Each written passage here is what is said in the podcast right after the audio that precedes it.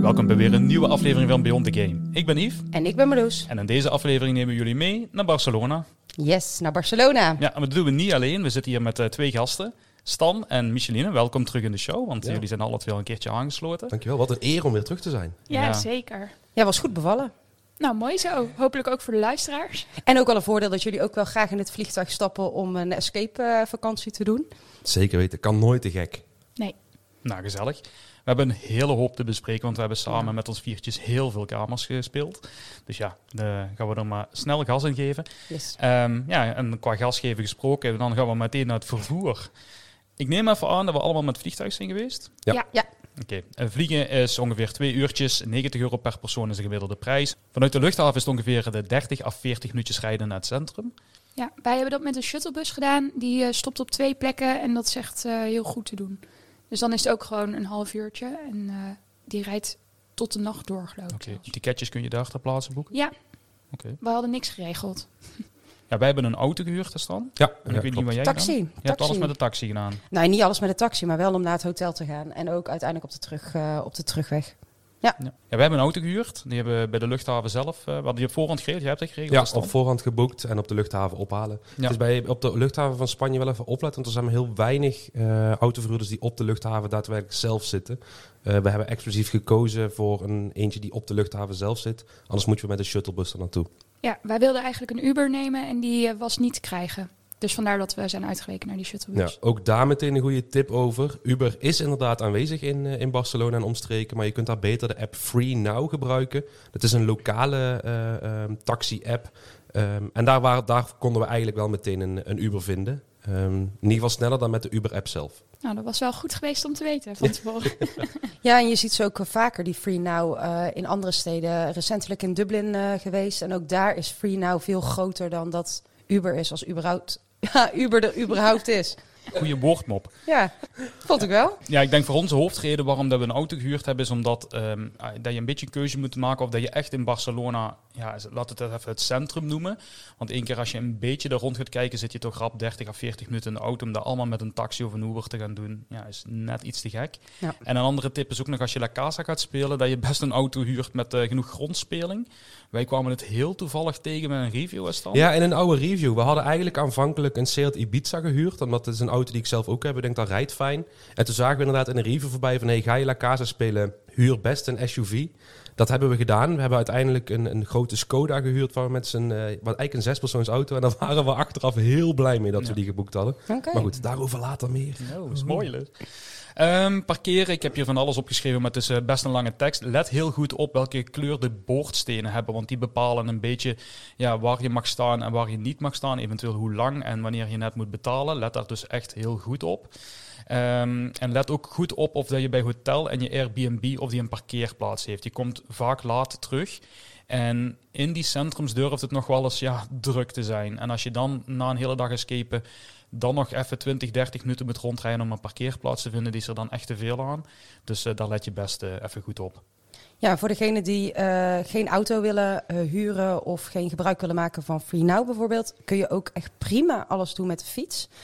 Op Abduction na, maar daar komen we later ook nog wel, wel op. Wij hebben namelijk alles met de fiets gedaan. De website is donkey, als in ezel.bike. En dat werkte heel fijn. Eh, ze hebben ze overal staan. Je kunt dan gewoon een soort van inchecken. Je unlockt een bike, je neemt hem mee. Je lokt hem weer ergens. En ja, het kan zijn dat iemand hem weer meeneemt. Maar bij ons was dat nooit het geval. Dus we hebben de hele tijd die fietsen bij ons gehad. En dat was ideaal. Kost ook echt heel weinig. Ik weet niet meer precies, maar een paar euro. En als je denkt, ik hou niet van fietsen, zoals ik, dan kan je ook nog met openbaar vervoer gaan. Dat hebben wij gedaan. En eh, dat was ook echt top geregeld. Eh, je kan eigenlijk bijna overal goed komen, behalve bij Abduction inderdaad. Ehm, in de metro kan je tickets kopen voor het hele weekend tegen gereduceerd tarief. En daarmee kan je de metro, tram, trein en die shuttlebus volgens mij ook zelfs nog gebruiken. En eh, Oh, dat beter. werkt, ja, werkt helemaal top. Oh ja, en ik zou wel adviseren een e-bike. Want Barcelona is dus best wel heuvelachtig. Dat had ik niet verwacht. En een e-bike was niet een overbodige luxe geweest op bepaalde punten. Met OV kom je overal en dan hoef je niet op heuvels te fietsen. en zo. Maar raak je ook goed bij de kamers? ja, Ja? echt? ja, echt top. En de, dat OV dat rijdt ook gewoon de hele tijd. Dus het is vijf minuten maximaal wachten bij een halte en dan ga je weer verder. Ja. Behalve abduction, die buiten een bepaalde zone valt en dan wordt de buschauffeur boos omdat je kaartje niet werkt. En nou ja, goed, Ja. moet je verder lopen naar het metrostation. Oké, dan gaan we naar eh, overnachten. Ja, Stan en ik hebben eh, twee hotels gedaan en één Airbnb. Let goed op bij de Airbnb, want daar en ook bij de hotels krijg je regelmatig nog toeristenbelasting die je moet betalen. En die kan flink oplopen. Bij de Airbnb was het zelfs op een bepaald moment 4,40 euro per persoon per nacht. En dan praat je al richting de 75 euro als je een, eh, ja, twee, drie nachten verblijft. Met vier personen dan. Eh, wij hadden met hotels wel redelijk een gedateerde in, ja, indruk, zal ik maar eerlijk zeggen. Het voelde wel wat oudbollig aan. Hè? Ja, ja, over het algemeen wel. Eh, ook de Airbnb was ook wat, wat oudbollig. Ja, en het was op zich prima. Kijk, je bent over het algemeen niet heel veel in die hotels, dus dat is op zich oké. Maar het is, het is allemaal wel wat ouder dan dat wij gewend zijn hier in Nederland. Ja, het, hetgeen wat bij ons wel een beetje tegenviel was het ontbijt elke keer. Het was ofwel heel duur. eh, en, en toen we uiteindelijk toch een keer erop gewacht hebben, zag het er echt niet uit. Hè? Nee, eh, dan stelt het niks voor. Nee, dus, dus, je ehm, kunt het beste gewoon naar een supermarkt gaan en zelf wat ontbijt halen. Wij zaten in eh NA Barcelona Diagonal Center. En dat was eh, voor zo'n 355 euro voor vier personen. En dat was dan eh, inclusief ontbijt. Drie nachten, eh, drie nachten daar verbleven. Echt dikke prima. Ja, zijn altijd wel nette hotels, vind ik in ieder geval. NA hotels. En eh, alleen de afstand van het centrum was dus iets, iets meer. Maar dat was dus omdat, ja, we gebruikten toch de fiets. Dus dat was prima te doen. Ja, wij zaten in Hotel Catalonia Athenas. Eh was 330 euro voor vier personen voor twee nachten zonder ontbijt. Eh, we hebben gewoon bij tentjes in de buurt eh, ontbeten. En waarom dit hotel ideaal was, was omdat het echt op één minuut lopen afstand zat van een metrostation. En dat maakte dat we vanuit het hotel overal heen konden. En het zat ook nog bij twee kamers eh, op loopafstand. Nou, klinkt wel als een. eh, Ja, een was echt top. Ja, en wel, ik herken wel wat Yves zegt hoor. Het was oudbollig. Het was eh, vier sterren, maar alsnog uh, ja, gewoon oudbollig. Ja. Uh, had je ook een puntje, hè? Ja, inderdaad. Als we het dan hebben over de metro. Uh, Barcelona uh, heeft wat bijzonders. in, sowieso in hoofdsteden hè, altijd goed op, op je spullen letten. Maar in Barcelona schijnt het zo te zijn dat onder de 500 euro diefstal en zo, dat, dat, daar doen ze niks mee. Krijg je slap on the wrist beleid. En dat maakt dat Barcelona veel onveiliger is, ja, of ja, gevoeliger is voor diefstal dan um, andere hoofdsteden. En um, dus als je in de metro gaat, uh, ja, zorg dat je je telefoon goed weggestopt hebt. Want uh, het is een slechte start van je weekend, kan ik je vertellen. Als uh, direct op de avond dat je aankomt bij je hotel, de een telefoon wordt gestolen van een van je medespelers. Dat is bij jou gebeurd? Yep. En dan moet je naar het politiebureau en die zegt dan, ja, ja, ja, dat gebeurt. Ja, ze, ze pakt het wel serieus op hoor, maar het is één grote ellende. En die tijd kan je ook gebruiken om gewoon, weet je, tapas te eten of nog een escape room te spelen. Dus ja. let goed op je spullen. Nou, goede tip. Kamers en boeken, ja, weinig. Of uh, ja, dus ik, ik denk dat we amper sites gevonden hebben die überhaupt in het Engels waren. Um, daar kun je de Google Translate app al voor gebruiken om een deel te vertalen. Maar uh, ook het mailverkeer achteraf wat je krijgt is, als je het al de site in het Engels kreeg, is de mail zeker nog in het Spaans. En dat werkt ooit uh, ja, heel verwarrend. Zeker als er dan dingen in staat dat je niet meer goed weet, moet ik nu op voorhand nog een toestemming geven of moet ik nog iets ondertekenen, wat bij bepaalde kamers wel zo was. Dus uh, let ook goed op als je boekt dat je de kamer zeker in het Engels kan spelen, want um, ja, we zijn erachter gekomen dat mensen in Barcelona niet goed Engels kunnen. En dat ze echt afhankelijk zijn van de, ja, de klein aantal game masters die ze hebben die Engels kunnen, om die dan ook in te kunnen zetten. Dus uh, we hebben letterlijk een kamer gehad die gewoon uh, een dag op voorhand stuurde van sorry, ik heb toch geen game master ter beschikking. Uh, het gaat gewoon niet door. Dus, dus let daar heel goed op. Ook bij boeken zorg dat je je cookies aan hebt staan, want andere, anders werken boekingsmodules soms niet. En dat is heel hinderlijk voordat je erachter bent dat je de cookies had moeten accepteren. Oké, en dan bijna elke kamer vraagt in Spanje om op voorhand een aanbetaling te doen. Dat zijn we in Athene ook niet echt gewoon. Daar kon je gewoon lekker klikken en boeken en dan ja, eigenlijk vrij makkelijk annuleren. In Spanje zijn ze niet zo makkelijk met uh, geld teruggeven, dat kan ik jullie wel vertellen. Dus ja, let heel goed op de datums, let goed op de tijden voor je boekt, want je moet meestal ergens tussen een, ja, een 40 à 60 euro op voorhand gaan betalen. En nog een dingetje waar we achter kwamen ter plaatse is dat je heel vaak niet met de kaart kan betalen. Dat je heel vaak er enkel bordje stond enkel cash. Dus dat was ook wel een dingetje om altijd een beetje cash achter de hand te houden. Ja, super.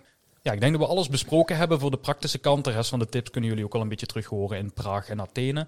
En die gaan we niet allemaal nog eens herhalen, want die komen een beetje op hetzelfde neer. Dus we gaan meteen over naar de kamers. Ja, de kamers. Met welke gaan we beginnen? Ja, we gaan beginnen met uh, de organisatie Escape Barcelona. Daar hebben we vier kamers om te bespreken. En we beginnen met uh, Tomb Hunter Akasha's Legend. Deze hebben we met z'n vieren gespeeld. En uh, dus hier kunnen we ook met z'n vieren iets over, uh, over roepen. Nou, deze kamer die uh, duurt 60 minuten. Is voor twee tot zes spelers 100 euro voor vier personen en met acteurs. Als we het dan hebben over de story van de kamer, dan gaat het erover dat je bent uitgenodigd om je te laten informeren over een historische archeologische vondst. En je uitnodiging is uniek en niet overdraagbaar. En that's it. Dat is niet veel, hè? Dat is echt niet veel. Daar zijn ze sowieso niet zo van. In ieder geval bij Escape Barcelona zijn de verhalen niet zo. Uh, nee, wat we eigenlijk al bijna ja, over elke kamer kunnen zeggen, dan hebben we dat ook meteen gedaan, is de meeste kamers in Barcelona hebben geen ontvangst. Nee. En geen mogelijkheid om naar de wc te gaan op voorhand. Ja, dat wilde ik ook heel graag even benoemd hebben. Uh, daar gaan ze niet vanuit inderdaad dat jij even behoefte hebt aan een toiletbezoek. Uh, dus dat is echt iets wat je actief moet benoemen. Uh, ja, en dan ik kreeg ook wel vaak de vibe dat het niet heel welkom was als je dat dan vroeg. Maar ja. Ik heb ja. ook kamers gespeeld waar het ook überhaupt niet mogelijk was om dat van tevoren te benoemen. Gewoon, de, Ja. je wacht buiten op straat, de deur gaat open en je bent begonnen. Ja, Ja, dus dat is iets dat we nu even benoemen, want dat gaat bijna bij elke kamer van toepassing zijn. absoluut. Ik zal het beter zeggen, je gaat er gewoon vanuit dat het niet kan. En dan, heb je dan ben je beter voorbereid. Dan hoeven we dat ook niet meer bij elke kamer te herhalen. Dat was bij dit ook het geval. Hè? Je komt eraan en het heeft totaal ja, 0,0 waarde waarom die kamer meteen moet beginnen. Want we stonden daar in een, ja, echt een lelijke witte, Ja, het was ook zo gang. half gedecoreerd. Ja. Van, zijn we nu al begonnen of, of niet? Het was heel Maar raar. jullie mochten binnen. ja. Wij moesten buiten, wel echt buiten wachten voor de deur. Was wel, het zonnetje scheen wel hoor. Wij mochten eerst naar binnen, maar toen bleek dat we voor de andere kamer kwamen. Toen moesten we weer naar buiten. en daarna mochten we in de lelijke gang wachten, inderdaad. Ja. Ja, oh ja, die, trouwens, die gang kan ik me wel herinneren. Er staat ook een kist, toch? Daar zit ook de Game Master. Ja, Dus, ja. eh, Nee, ja, inderdaad, qua ontvangst en zo. eh, ja. Ja. Ja. Daar doen ze niet echt aan. Maar wat vonden we van de kamer? ja. Ik vond de introductie naar de kamer heel irritant. Het is weer ogen dicht en loop maar. Ehm, daar was onze host al meteen... eh, ehm, ze zijn in, in Barcelona niet echt gewend eh, om lange mensen in de kamer te hebben. Dat merkte hier in twee punten. Enerzijds moet je dus geblinddoekt richting de kamer lopen. En na twee keer ons hoofd gestoten te hebben hoorden we... Ah, watch your head. Dus dat was al een dingetje. Eh, en op een gegeven moment een stukje verder in de kamer. Er wordt hier continu vanaf begin af aan gezegd van... hey, je gaat dadelijk moeten klimmen, naar beneden moeten springen. Ga altijd met je voeten eerst. Dan kom je dus op een gegeven moment in kleine kruipruimtes. En als iemand die van 1,90 meter of eh ons andere teamgenoot die 2 meter is... je kunt in die ruimtes je kont niet keren.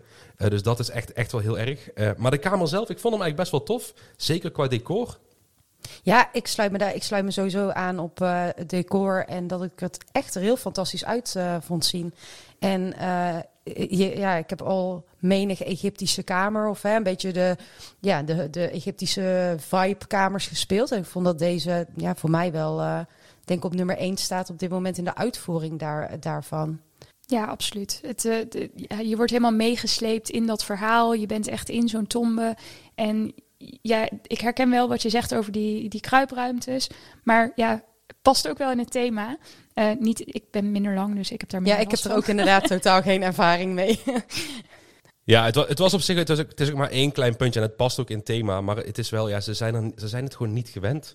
Ehm, en ik moet zeggen, vanaf begin af aan hadden we in het begin best een prima puzzelflow te pakken, denk ik, met onze, met onze groep. Ehm, alleen dan merk je op een gegeven moment toch dat je bij een voelpuzzel terechtkomt en in één keer een kroonsteentje in je handen hebt en dat soort zaken. Dat ik denk, ja, qua afwerking had het hier en daar wel wat beter gekund. Eh, maar over het algemeen vond ik het ja best een prima, prima kamer. Ik heb dat van die afwerking helemaal niet zo eh, gemerkt. Maar ik moet wel zeggen, ik, ik, als ik eenmaal word meegesleept, dan, dan eh, zie ik ook eigenlijk niet meer dat soort zaken. Dus voor mijn gevoel was ik echt in die tombe. En nou ja, goed, werd ik achterna gezeten en moest ik rennen voor mijn leven. En Ja, ik kan me voorstellen dat als je Ja. een kroonsteentje tegenkomt, dat het eh, ja, sfeerverlagend, eh, sfeerverlagend werkt. Ja, het, het was ook precies op, zo'n, ervaren, hoor. precies op zo'n punt waar je ook moest voelen. Het was een voelpuzzel en in één keer hadden we een kroonsteentje aan de draad Ja, nog vast. nu je dit zegt trouwens, ik heb wel een, een eh, medespeler gehad die wel inderdaad wat dingen voelde bij die voelpuzzel. Nu Ja. het zegt. ja, precies. en die zei, volgens mij klopt dit niet. Ja, ik zelf niet. Ja, voor mij was het een kamer met hoogtes en laagtes. Ehm, de, Letterlijk. Letterlijk. ja. letterlijk, ja. en er zaten echt, ja, echt heel mooie decors in. En wat je zegt klopt, Marloes. eh, qua tempels en, en ja, Egyptische thema's zitten in Barcelona echt bij, de- bij de top, hoor. Dus we Ja. hebben er nog tempels die we gaan bespreken die echt, echt fantastisch waren. Ik vind sowieso wel de kwaliteit, moet ik zeggen, van de kamers in Barcelona hoog. Als Ja. je kijkt naar eh, uitwerking. Absoluut. Maar als je dan ziet in welke gang dat we terechtkomen, dan weer in een hele mooie ruimte zitten. Echt een hele mooie ruimte. En dan ja, toch wat hier en daar wat slijtage we hadden wij meegemaakt. En ook hier en daar wat puzzels waar wij echt wel van dachten van dit hebben we nu al drie keer zo gedaan. En één keer was hij toch juist dat we zo wat doordrukgevoel kregen. Ehm, en met een beetje de flow die wat wegzakte voor ons na de helft. Ehm, ook de acteur, we gaan dat heel even benoemen. Ze zelf zetten op de site geen acteurs en wij zeggen wel acteurs. Daar zit een klein onderdeeltje met een acteur en laat je daar niet te veel op afschrikken. Maar ben je een team die zegt: Ik wil absoluut geen acteur, dan weet je het nu van ons. Maar het is echt een heel klein onderdeel, dus ik snap dat ze het een beetje weglaten. Ja, ik zou je daardoor echt niet eh, weerhouden. Het is inderdaad wat je zegt, het is zo'n klein onderdeel. Je hoeft er niet mee te acteren. Ehm, Het is meer, het is er. Ja, ik ben ook zo'n angsthaas en ik ben iemand die inderdaad eerder niet gaat boeken als ik zie staan dat het met acteur is. En eh, ik, ik wist het inderdaad ook niet per se van tevoren, maar laat je er niet door afschrikken. Nee. Gewoon gaan spelen deze kamer. En ondanks Absoluut onze aanrader. kritiekpuntjes eh, is dit een kamer die je echt niet moet overslaan. Die kan je echt Nee. lekker meenemen Ja. en heb je een prima tijd. Nou, ja, ik vind hem dus, e- ja, ik vind het echt beter dan prima. Ja, ik ook, absoluut. Ik vond het echt een van de beste kamers die ik heb gespeeld van de twaalf die ik heb gespeeld. Oké. Dus ehm, Voor mij staat hij ook hoog. Ik vond het echt een beleving. ja, en de puzzels vond ik top. Op naar de volgende. Ja, Jurassic Land is de volgende eh, in de lijst. Deze heb ik eh, als enige gespeeld van de vier hier aan tafel. Ik ga daar heel kort over zijn. Het is een, eh, een kamer van 60 minuten, 2 tot 10 spelers, 100 euro, geen acteurs. En nou, het verhaal gaat eh, over eh, het grootste dinosauruspark ter wereld. Die opent binnenkort zijn deuren. Nou, allerlei soorten dinosaurussen. En ze lopen allemaal vrij rond in de faciliteiten die ze hebben gecreëerd voor het vermaak van de bezoekers. En eh, je komt op missie als experts. En dat bestaat uit het evalueren van de veiligheid van het park en zijn attracties. En de installaties en de diensten. Nou, jullie kunnen het misschien al wel raden. Dat zit natuurlijk niet zo goed, die veiligheid van het park. Nee. En eh, nou ja, goed, om een, om een lange verhaal kort eh, te maken. Het is een hele. ehm, ja, het is geen goede kamer. Deze moet je overslaan. De, het is niet mooi uitgewerkt. Het ziet er heel, allemaal heel nep uit. Je bent dan op een dinosauruspark, hè, zoals ze dat hier ook zeggen. Een soort van attractiepark. Je komt gewoon in een vierkante ruimte. Een beetje kantoorachtige vibe krijg je ervan.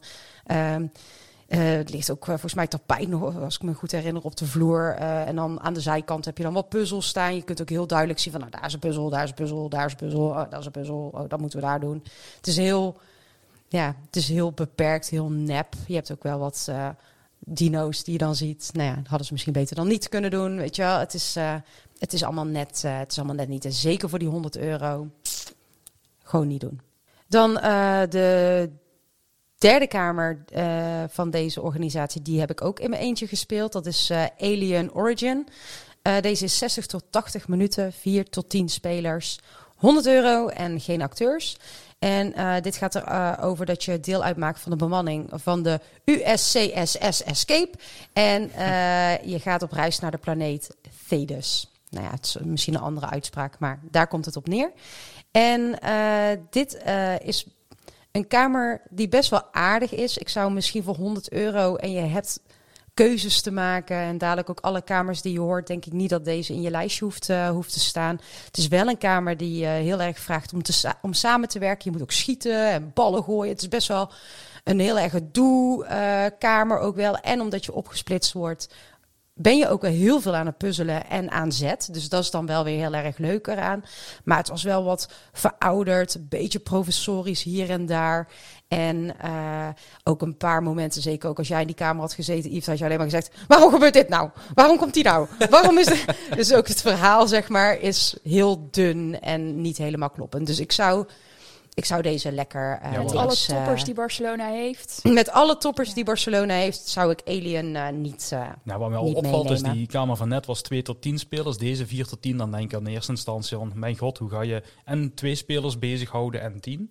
Nou ja, bij, deze, bij die bij Alien zie ik dat wel voor me. Omdat je dus ook heel erg snel gesplitst al wordt. Je begint volgens mij... Ja, je begint ook in een, in een eigen pot. Hè. Dat is natuurlijk niet zo heel origineel met een eh, spaceship eh, thema. Maar goed, hè. En dan moet je dan uitzien te komen. Dus daar heb je ook wel echt de puzzelruimte. Ook al ga je met een grote groep om dat ook echt te doen. Bij Jurassic Land daarentegen... Nee, ja. Dus dan kun je beter met tweeën doen. De ruimte is heel groot. Dus er kunnen makkelijk tien mensen lopen. Want het is gewoon een hele grote vierkante ruimte. Of rechthoekige ruimte.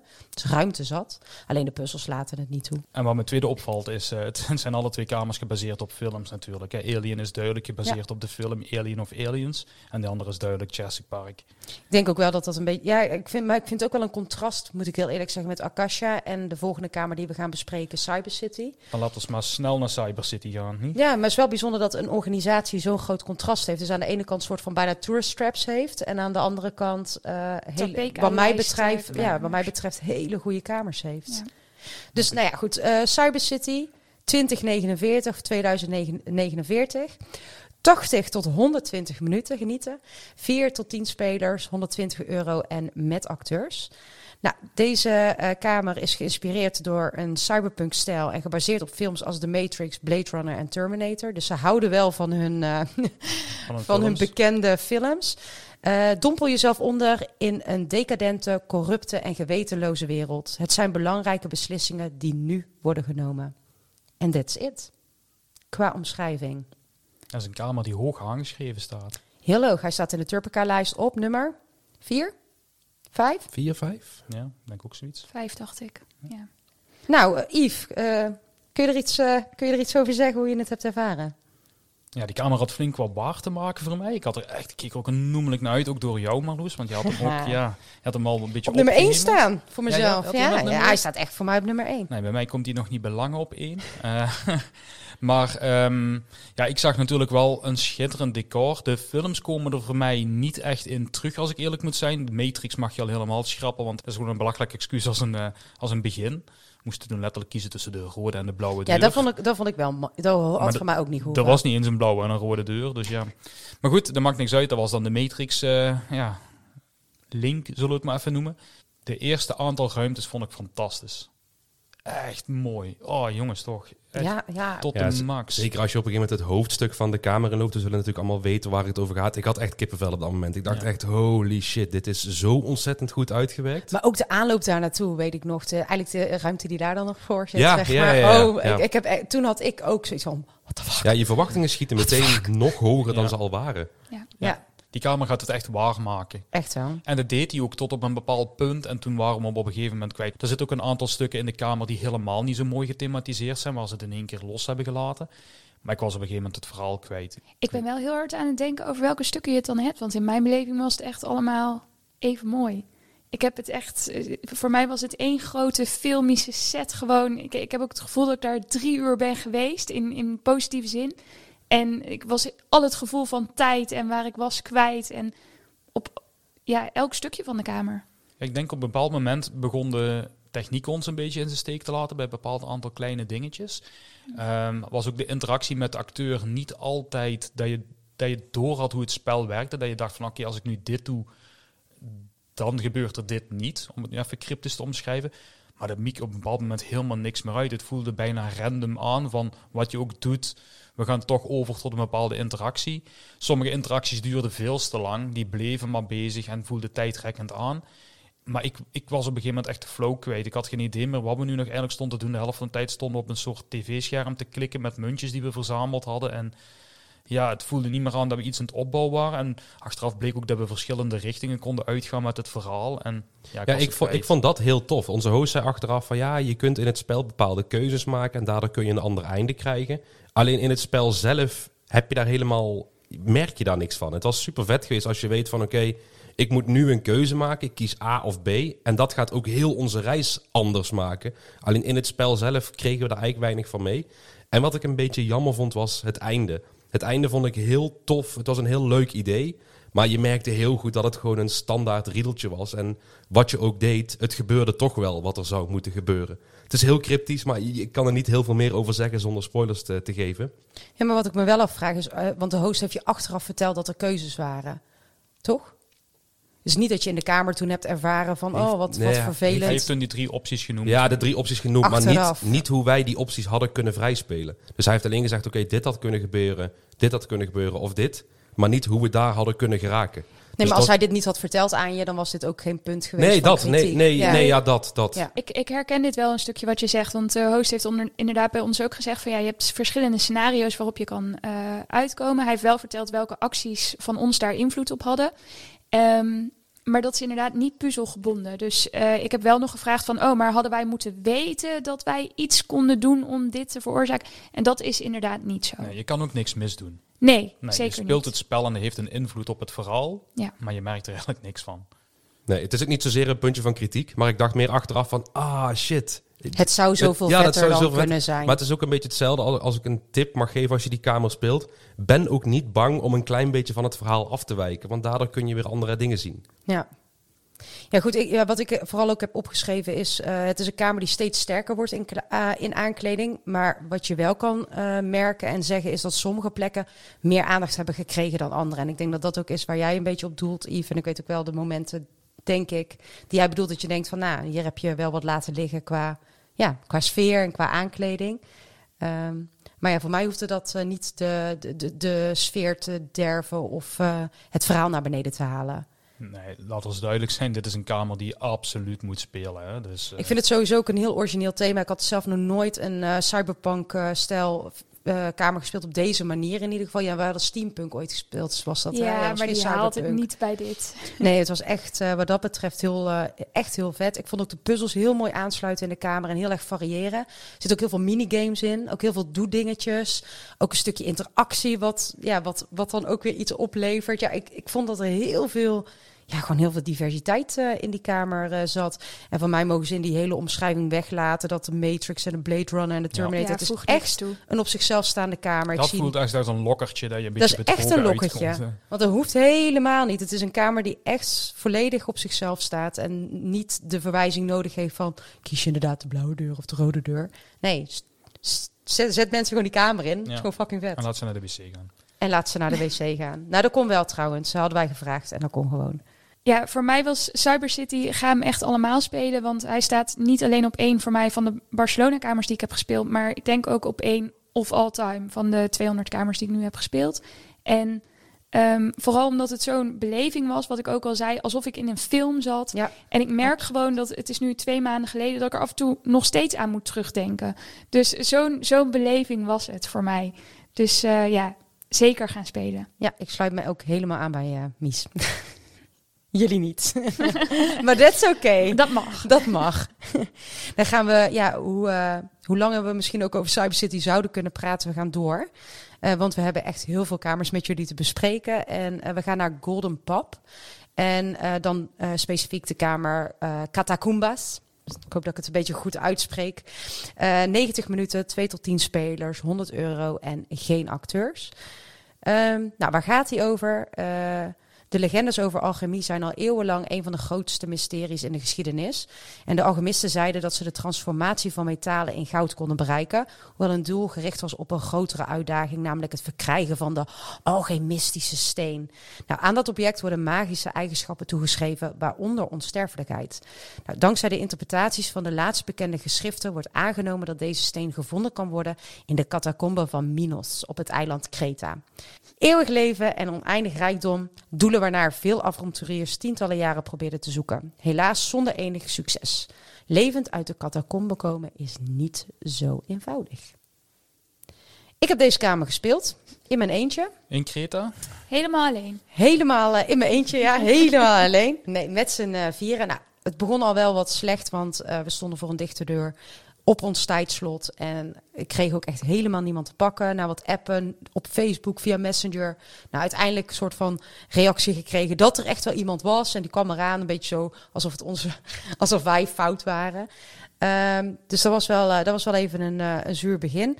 En eh, het begint eigenlijk best wel vet, die kamer. Want je komt in een soort van bioscoop terecht. Dus die Golden Pub is ook echt, als je daar binnenkomt... eh, volgens mij rookt het zelfs ook naar popcorn. En gaat ook een bioscoopzaal in. En vervolgens stap je de film in. Dat is een beetje het idee eh, ervan. Ehm, jammer hiervan is alleen dat wij in ieder geval geen hol snapten van die hele kamer. De puzzels niet begrepen, de flow niet begrepen. We liepen onwijs vast, ook wel wat slijtage. Dus wij hebben eigenlijk met name heel veel frustratie gehad in die kamer. We hadden een host die geen eh, goed Engels sprak, dus heel gebrekkig ons maar kon hinten. Dus uiteindelijk was die beleving voor ons echt ruim onvoldoende. Dus vanuit daar kan ik hem eigenlijk niet adviseren om uh, te spelen. Terwijl het eigenlijk wel een, een leuk concept is. Dat je de film instapt en dat je dat speelt. En het was door de host dat hij te laat was, dat hij geen goed Engels sprak. En dat wij deze kamer gewoon niet begrepen. Was het, was het niet zo'n goede, goede kamer voor ons. Zou je hem aanraden? ja, daardoor dus niet. Ik kan het niet beoordelen, op, ik kan er niet objectief uh, naar kijken. Dus ik kan alleen naar kijken naar hoe wij het op dat moment hebben ervaren. En ja, vanuit daar zou ik zeggen, nee, ik heb daar, ik heb daar geen leuke tijd gehad. Maar was het een mooie kamer? Ik vond hem wel mooi. Hij was op zich wel mooi, ja. En je wordt ook opgesplitst hier trouwens. Dus uh, als je met een wat grotere groep bent, is het zeker wel leuk. Uh, omdat je dan ook veel te doen hebt. Alleen voor ons was de flow en het, het, het zien van de puzzels was gewoon, uh, was gewoon zoek kon het niet vinden. Ik wist niet wat moest te doen. Echt niet. Oké, okay. nee. Alright. Waarom doen? Waarom doen? Ja, daar kunnen we kort over zijn. Het is een uh, Lord of the Rings kamer. Dat, dat noemen ze natuurlijk nergens, maar de naam geeft al wel iets weg uh, voor de diehard fans. Um, geen aanrader. Dit is mijn enige kamer die ik heb gespeeld in Barcelona waarvan ik zeg dit is gewoon geen aanrader. En dat heeft vooral mee te maken dat um, de logica er niet zit. De kamer is heel mooi aangekleed, echt, echt goed in sfeer.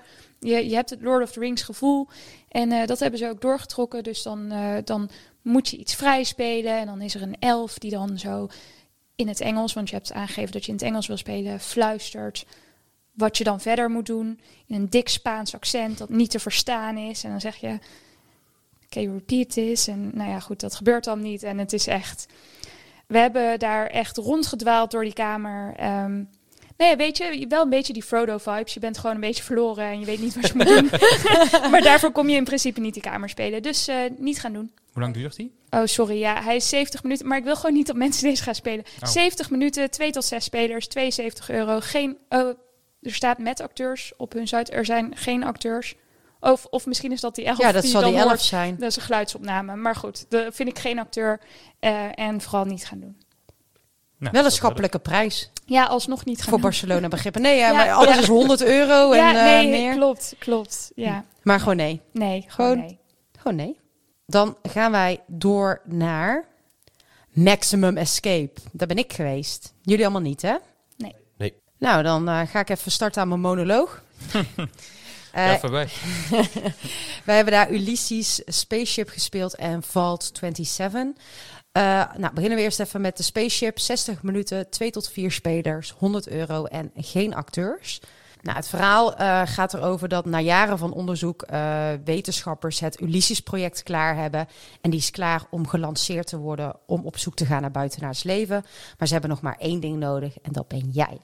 Nou, het grootste eh, ruimteavontuur ooit geleefd staat op het punt te beginnen. En de vraag is natuurlijk, durf je dat? Eh, je gaat echt aan boord van de Ulysses, dus dat is het, eh, het spaceship. En ja, je gaat op zoek naar buitenaards leven. Daar komt het op neer. Nou, ik vond deze kamer echt heel erg tof om te doen. Dit was ook de beste van de twee kamers die we hier hebben gespeeld. Eh, wat ze heel erg mooi doen hier bij Maximum Escape is sowieso de aankleding van de kamers. Eh, dat ziet er echt eh, ja, goed uit en zorgvuldig in thema neergezet. En daardoor ook echt wel een, een beleving die ze hebben neergezet. Zo ook met Ulysses Spaceship. Want voelde je echt een ruimteschip? Ja, ja, eigenlijk best wel. En je gaat ook echt wel een beetje het verhaal door. Dus het is wel heel duidelijk wat de storytelling is.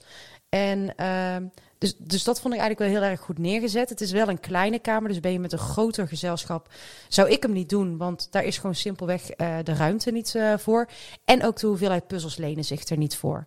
Dus als je met vier spelers bent, kan dat dus, maar, niet, eh, maar dus ook niet met meer. Dat accepteren ze ook niet, dus dat is alleen maar goed. Wat wel belangrijk is om te vertellen bij deze kamer, is dat er een, een punt komt waarop je door een tunnel moet. Laat ik het even zo zeggen. En die is nauw. Daar waarschuwen ze ook voor op de website. En dat moet je ook echt serieus nemen. En eh, het ergste is nog, je moet er uiteindelijk door terug. Dus het is niet kruipen.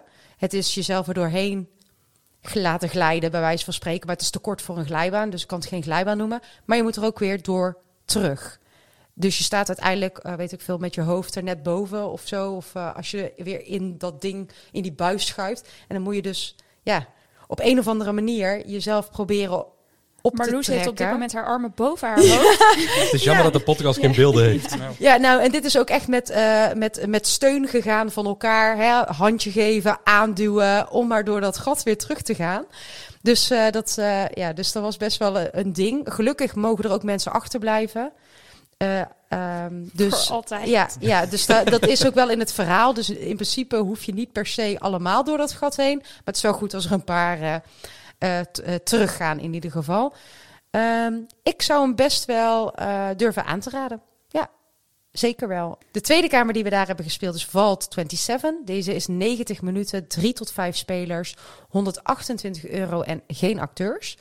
En eh, daar gaat het verhaal als volgt. Een nucleaire oorlog heeft de meeste mensen op aarde uitgeroeid. En slechts een paar gelukkigen konden overleven. Nou, jij bent één van hen. Dit is je kans om terug te gaan, maar het is niet zo eenvoudig als het klinkt. Helaas houdt een reeks catastrofale problemen je gevangen in Vault 27. Lukt het je om terug naar de aarde te komen? De toekomst ligt in jullie handen. Nou, ook hier weer, Vault 27 is een super mooi gedecoreerde en afgewerkte kamer. Er zitten ook hele vette attributen in in de kamer die je moet gebruiken. Ehm, en eh, als je gaat naar de website en je ziet daar de plaatjes van de kamer, is het wel wat geromantiseerd, maar ook wel een beetje de werkelijkheid. Dus ehm, ja, er is een bepaald filter overheen gezet, waardoor het er veel vetter uitziet en alsof, het, hè, alsof je echt aan het schieten bent. ik kreeg echt een En, eh, Apocalypse gevoel. eh. Ja, maar daar is het ook wel eh, een beetje. En je, je gaat ook echt wel schieten. Alleen het is natuurlijk niet zo spectaculair dat er ook daadwerkelijk vuur en, en, en kogels uitkomen. Maar het geeft wel een beetje een beeld van, als ik zeg dat er gave of vette attributen aanwezig zijn, geeft dat wel een beetje een beeld. Eh, nou ja, bij ons ehm, eh, was het wel een nadeel dat deze coole snufjes, om het dan maar even zo te noemen, niet allemaal even goed werkten. Dus dat eh, werkte wel frustrerend en daardoor duurde het ook best wel even om op gang te komen. En daardoor ook wel de puzzels goed af te ronden. Want dan denk je, hé, hey, we doen het toch goed. Ga je toch proberen het op een andere manier aan te pakken. En dan loop je daar gewoon, dan loop je daar gewoon in vast. En dan is de flow soms ver te zoeken. En er zit ook één heel eh, vervelende repetitieve eh, handeling in. En daar waren we op een gegeven moment ook wel eh, erg, eh, erg klaar mee. Dus een beetje onlogische puzzels, flow laag, wel mooie aankleding, vette attributen. Maar als we het dan toch eh, moeten samenvatten en eh, onder de streep eh, iets moeten concluderen, dan eh, zou ik zeggen: eh, je, hoeft hem niet, eh, je hoeft hem niet te doen. Dus dat. Nou, de volgende kamer die we gaan bespreken is Alabama Escape Room. Eh, de kamer heet ook Alabama. Ja, Stan. 100 minuutjes, 2 tot 6 spelers, 100 euro met acteurs. En eh, waar gaat de kamer over? Ja, de kamer is gebaseerd op, eh, op Annabel. Ja, ja dat is een lievelingsthema. Een thema wat mij heel erg ligt, dus ik had er heel veel zin in. Ja, het is een kamer die in verschillende modussen kan gespeeld worden. Eh, het is een vrij lang verhaal. We kunnen het er gewoon op houden dat het over de Annabelle-pop gaat. En eh, ja, die is, eh, die is ergens in bewaring. Die zit ergens in een huisje, in een afgesloten kast. In een, eh, en die kunnen wij gaan bezoeken in een soort museum. Hè? Maar Ja. is, is dit een bekend iets, de Annabel Pop? Ja, Ja, moet ik dit Annabel kennen? is, het Oh. is, het is een waargebeurd verhaal en daar is een film over gemaakt. De kamer eh, is gebaseerd op het waargebeurde verhaal. Dus de Annabel pop is eigenlijk een soort kinderknuffel. Eh, niet heel eng, maar hij- die is bezeten. eh, en is daardoor... ehm, Dat is niet eng. Nee, dat is niet eng. dat is niet om te lachen. Oké. Nee, ja, nee, nee, niet heel eng. Ik Hij vond is het heel bezeten. spannend, hoor. ja. Maar ze hebben die hele escape room organisatie, want als ik naar die naam kijk, dat is dus Annabel omgekeerd, hebben ze daar dus op gebaseerd. Wat? Huh? Oh, dat zie ik nu pas. Op, oprecht, dat zie ik oprecht, dat zie ik oprecht nu pas. Ja, Annabel. eh Ja, Annabel. Ja, ja, klopt. Ja. Oh, maar Luus, je kan ook zo goed puzzelen. Ja, oh, Nou, jullie dit, dus niet. Ja, dit is dus een beetje het ding. Deze kamer is dus in verschillende modussen te boeken. En omdat de website niet in het Engels was, was het ook een beetje de vraag van wat houden die verschillende modussen in? Ja, zelfs als je Spaans kon, dan wist je nog steeds niet wat die modus Nee, dus wij zijn uiteindelijk gegaan voor de realistische modus. Ja. Dat bleek uiteindelijk de heftigste. Maar omdat we zo klaar waren met het in je gezicht schreeuwen, horror, hebben we op voorhand gezegd: jongens, doe maar de adventure mode. Bleek achteraf een kinderversie te zijn. Eh, maar we waren achteraf heel blij dat we die gekozen hadden. Ja, eh, we zullen eerst even verklaren waarom dat we een beetje klaar waren met die terror en de realisme-modus. En dat is eigenlijk hetzelfde probleem als bij Athene. Omdat ook de grenzen van horrorkamers in Barcelona verlegd worden naar een niveau dat wij als Belgen en Nederlanders totaal niet gewoon zijn. Echt het fysiek aanraken, het aan jou zitten. Eh, we, gaan, we zullen je straks een stukje vertellen wat er normaal in die kamer zou gebeuren. Maar het is echt fysiek. Je wordt echt vastgepakt aan je getrokken. Uh, ze hebben zelfs ooit een Halloween-event gehad waar mensen gewoon zonder kleren terug uitkwamen, haren afgeschoren, groen gespoten, noem maar op. Dus ze gaan daar ook steeds verder. En omdat wij dikwijls niet weten waar hun grens ligt, ja, wordt het echt eng, omdat je net die grens niet meer weet. Kijk, als iemand jou gewoon doet scaren, dan is die scare eng, that's it. Maar als ze echt aan jou gaan zitten en ze trekken op een gegeven moment je broek uit of zo, ja, waar stopt het? Waar stopt het voor die acteur? En we hebben echt kamers meegemaakt waar ze jou sloegen met een soort plastieke zak met kussens in.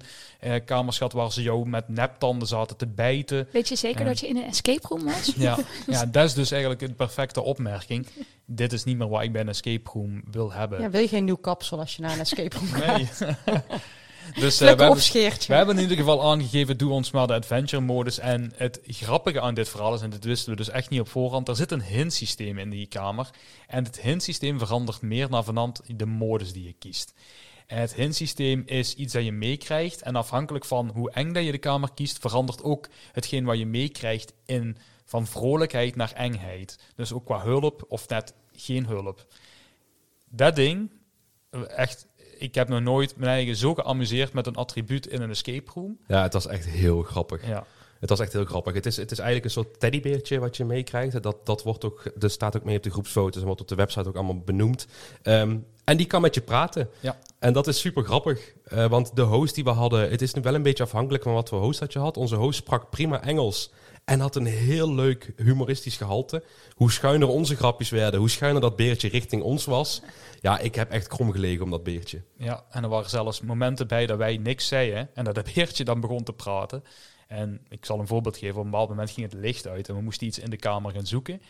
En een van onze medespelers, Marieke, die was al weg. Die zat al in het stuk waar we moesten zijn, maar er was geen licht. En de enige vorm van licht was het oog van die teddybeer. Die kon licht geven. En wij staan er dus met z'n drieën, met ik die teddybeer op mijn arm. En in één keer horen ze uit het niks. Um, if she's over there and I'm over here. Hij vult maar in. Dan heeft zij geen licht. Dus wij zeggen ze tegen die teddybeer, dus moet je voorstellen, drie volwassen venten die tegen een teddybeer staan te praten. We know, but she's very quick. dus toen moesten we die teddybeer naar de hagen brengen. Ja, zo'n momenten, dan besterf je het. En je zit eigenlijk in een enge kamer. Nou, het was geniaal. Nu ga ik wel heel eerlijk zijn. Trek dat hint-systeem eruit. Dan is er niks meer aan. En er was echt niks aan die kamer. Nee, het, het, het jammer is... Ik denk dat als je, als je hem in een horrormode speelt... Ze hebben een geniale manier bedacht om groepen op te splitsen. Um, en ook dat het niet continu dezelfde is die ergens naartoe moet gaan alleen. Dus je staat er allemaal sowieso een keer alleen voor. Voor ons dus niet eng, omdat we hadden geen enge modus. Ja, okay. uh, maar als je dus wel een enge modus speelt met acteurs... Ja, dan, dan kan dat wel doodeng zijn hoor. Ja. Maar de kamer zelf... Ja, het grootste probleem met die kamer is dat die kamer eigenlijk niet in het Engels te spelen is. Ja, die acteur spreekt Engels. Um, want we zeggen nu met acteurs, maar in die modus die wij hem hadden zat geen acteur.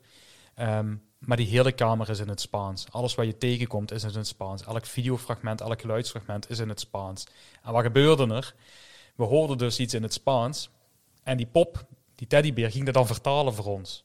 Tegelijkertijd. Ja, dus je hoort iets in het Spaans. Tegelijk praat er een pop Engels. En dan staat iemand anders in je oor Nederlands te praten.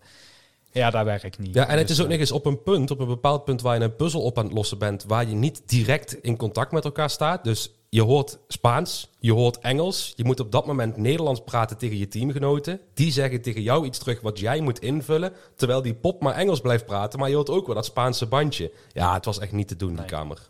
Nee, en we zagen ook in bepaalde stukken van de kamer dat dit duidelijk niet gebouwd was. Of in ieder geval niet gemaakt was om heel veel licht te hebben. Dit zal heel eng geweest zijn in de enge modus. Maar één keer met te veel licht zonder de special effects en zo zag het er echt in één keer heel kaal en heel leeg uit. Uh, dat is misschien dubbel, maar ja, dan zie je echt bijvoorbeeld een beamerscherm waar geen beamer op staat op dat moment. En dan wat, wat witte doeken. Ja, dan is het. denk ik, Ook het afwerkingsniveau was heel miniem. Dus het is een kamer die beter presteerde met minder licht. Ja. Dus, uh, Dus eigenlijk geen aanrader? Nee, het is zeker in deze modus niet echt een aanrader. Het, grappige was wel toen we uiteindelijk dus terugkwamen, vroegen we dus wel nog aan de acteur van, hé, maar wat is dan het verschil tussen deze modus en de modus die we eigenlijk geboekt hadden?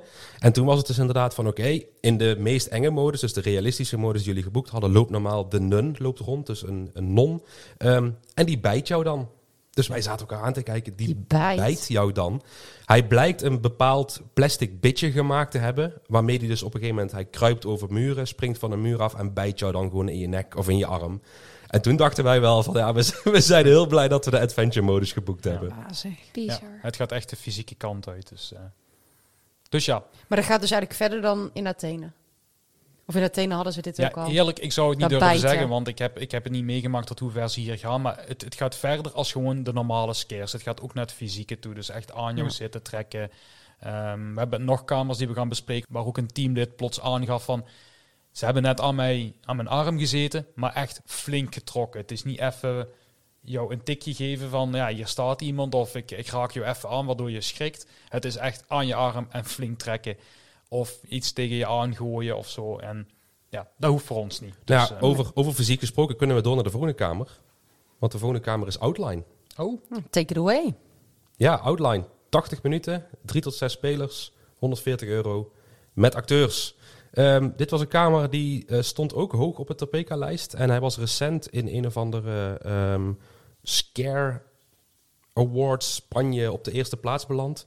Ehm, het is een heel lang verhaal, de kamer. Het gaat er eigenlijk over, we gaan eigenlijk een oude fabriek gaan in. Want daar is de zoon van de eigenaar in teruggetrokken. Ehm, en wij zijn door iemand ingehuurd om eigenlijk te gaan kijken van oké, wat gebeurt daar allemaal? Dat is een heel klein beetje kort door de bocht wat het is. Sta je buiten, dan sta je echt voor een immens pand met heel grote letters outline in roestige letters. En toen dachten we wel meteen van, oh, dit kan wel eens heel vet gaan worden. Ehm, ja, we stappen binnen, het begint meteen. En we staan daar meteen in een prachtig decor, moet ik zeggen, het begin. Eh, je wordt meteen eigenlijk opgesplitst en daar begint het puzzelen. Het gaat heel goed. Totdat we op een gegeven moment oog in oog komen met onze acteur. En daar hoorde dus van onze teamgenoot ook... Ik word hier zo ontzettend hard aan mijn arm getrokken. En bij deze kamer kun je geen modus kiezen. Dus dat is een beetje het ding. Je kiest er zelf niet voor wat die acteurs doen. Toen hebben wij meteen aangegeven van jongens, hier hebben wij geen zin in. Stop maar met het fysieke contact. En ik moet zeggen, ze zijn er vanaf dat moment ook meteen mee gestopt. En toen konden we wel een heel stuk relaxter, eh, relaxter spelen. ja, ik moet wel zeggen, de setting op dat moment was wel fantastisch. Heel goed. Het was... Ik heb niet rap dat ik iets eng vind. Dit vond ik echt heel erg eng. Die kamer leek op een of andere manier onnoemelijk groot. Echt, die gangen bleven maar komen. En we dachten echt van, was hier net een gang of niet? Alles begon plots te dagen dat je denkt van, ja, maar hier was toch net een muur? Was het net hier niet donker? Zat hier net een deur? Eh, het, leek allemaal veel groter als wat was. En we klamden ook samen op een groepje. En de scares kwamen eigenlijk al vrij fel uit het niks. En het voelde allemaal authentiek aan. En achteraf bleek ook wel dat ze echt kosten nog moeite hadden gespaard om hier iets heel realistisch van te maken. Dus dat zat heel erg goed. Goed dat we ingeroepen hebben van ja, stop met het fysiek contact. Ook net wat Stan zegt, heel netjes gerespecteerd. De kamer gaat gewoon ongeveer goed tot ongeveer een 60% Ja. Daar blijft die mooi in thema. Hebben we dat fabrieksthema te pakken? Is het lekker eng? We hebben geen idee wat we meemaken. Dat moet Nee, dat niet. dat niet. Het is, eh, ze hebben ook gekozen om de acteur verschillende rollen te geven. Wat op zich wel grappig is in het verhaal. Maar dat ik ook dacht, van, ja, dit is gewoon puur om heel vaak terug te komen in een andere gedaante. Ehm, maar Maar dan het op een verhaal ontschiet je dan. ja, het verhaal, Ja. het verhaal, we hebben heel erg het idee gehad van wat zijn we nu aan het doen. En dat is helemaal op inderdaad ongeveer ja, 60% van de kamer. Daar slaat het ineens om. Ja. Eh, voor mij was het op een punt waar we bezig waren met een puzzel die heel erg op taal gebaseerd was. Eh, je hebt dus continu een acteur die achter je aan zit en die je eigenlijk het liefst zou willen vermoorden. Ehm, en op een punt kom je bij een puzzel met allemaal Spaanse woorden. Nou, wij spreken geen Spaans, we hebben het Engels geboekt. En dan gaat die bloeddorstige acteur jou ineens helpen met het vertalen van woorden. Nee. Ja, en toen was, ik er, toen was ik er echt helemaal klaar mee meteen. Oh, wat slecht. Ja. Ja, dat is, dat is wel echt... Als je iemand uit een beleving wil trekken... Ja, dat was een beetje jammer. En ook qua afwerking was het daar ineens weg. Ja. En ineens staan we daarna weer in een volgende ruimte. Die was dan wel weer half gedecoreerd. Maar die sloeg dan weer nergens op ten Nee. opzichte van het fabriek waar we net ons in zouden bevinden. Heel ook het gek. verhaal is. Om dan in een onnoemelijk mooie ruimte terecht te komen. Echt fantastisch mooi gemaakt. Voel, had ook totaal geen samenhang met de ruimtes waar we ervoor waren. Maar die was echt zo ontiegelijk mooi. Echte leuke puzzels. Had ook even een rustmomentje op een of andere manier. Ja, wat, wat ik daar heel erg had is, je werkt heel erg toe naar een finale. Dat, dat voel je aan alles. Van oké, nu gaat er iets groots gebeuren. Ja, en dan komt dat moment. Ja, het moment dat alles naar de botten helpt. Hè. Ja, het was meteen klaar. Het, het, Ja. het was weer het ordinaire spookhuis waar je je in bevond. Ehm, en dat, dat, dat was voor ons allemaal zoiets van, ja, daar gaan we weer. Ja, dus dat was ook niet het moment dat je dan denkt van... Nu heb ik nog zin om mee te doen met het spel. Eh, ik snap wat de bedoeling is. Ik ben ook naar buiten gelopen op een rustige manier. Maar ik, ik- ja... Je bouwt... Je, bent echt weggegaan uit de kamer. Nee, je- de bedoeling is dat je weggaat. Maar Oh, er komt een vent met een kettingzaag achter je aan. Ah, En- leuk. Ja, Even voor de duidelijkheid, je kan ook gewoon negen kamers boeken. Zo in Barcelona heel weekend mee vullen. Geen horror, geen scares. heel goed Die zijn doen. er ook. Ja, die zijn er echt Maar genoeg. deze ligt in Barcelona. Echt gewoon in het centrum Ja, ja. voor iedereen eh Ik, toegankelijk. ik moet wel zeggen, ik zou hem echt wel aanraden om te spelen. Want hij is zeker qua decors en qua puzzels tot ongeveer driekwart van de kamer echt wel heel goed. Geef wel gewoon meteen aan van jongens, dat fysiek contact heb ik geen zin in.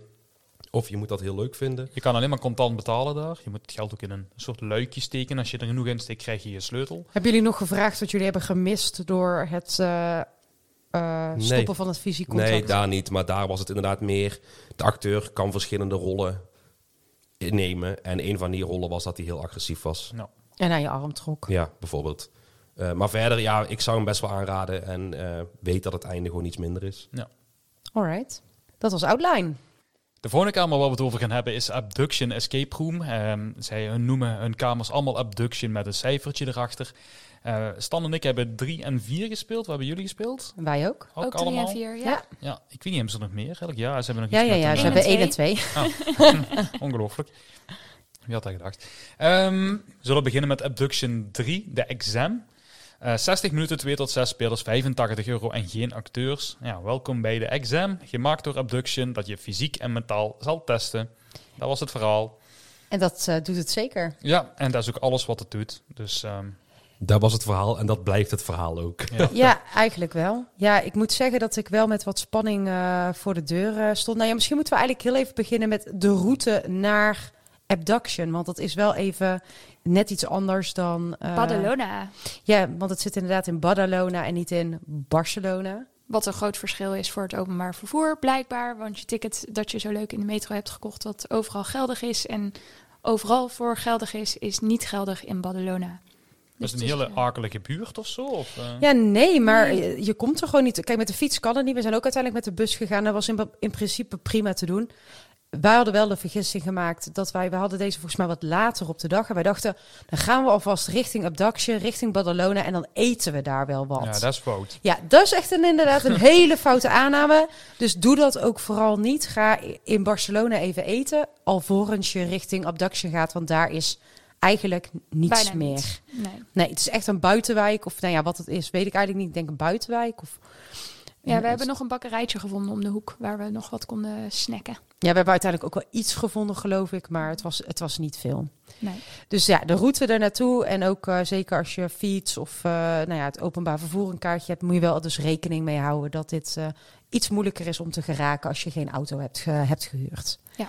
Nou, dan over de kamer. Ja, die exam. Ik vond hem inderdaad ook wel.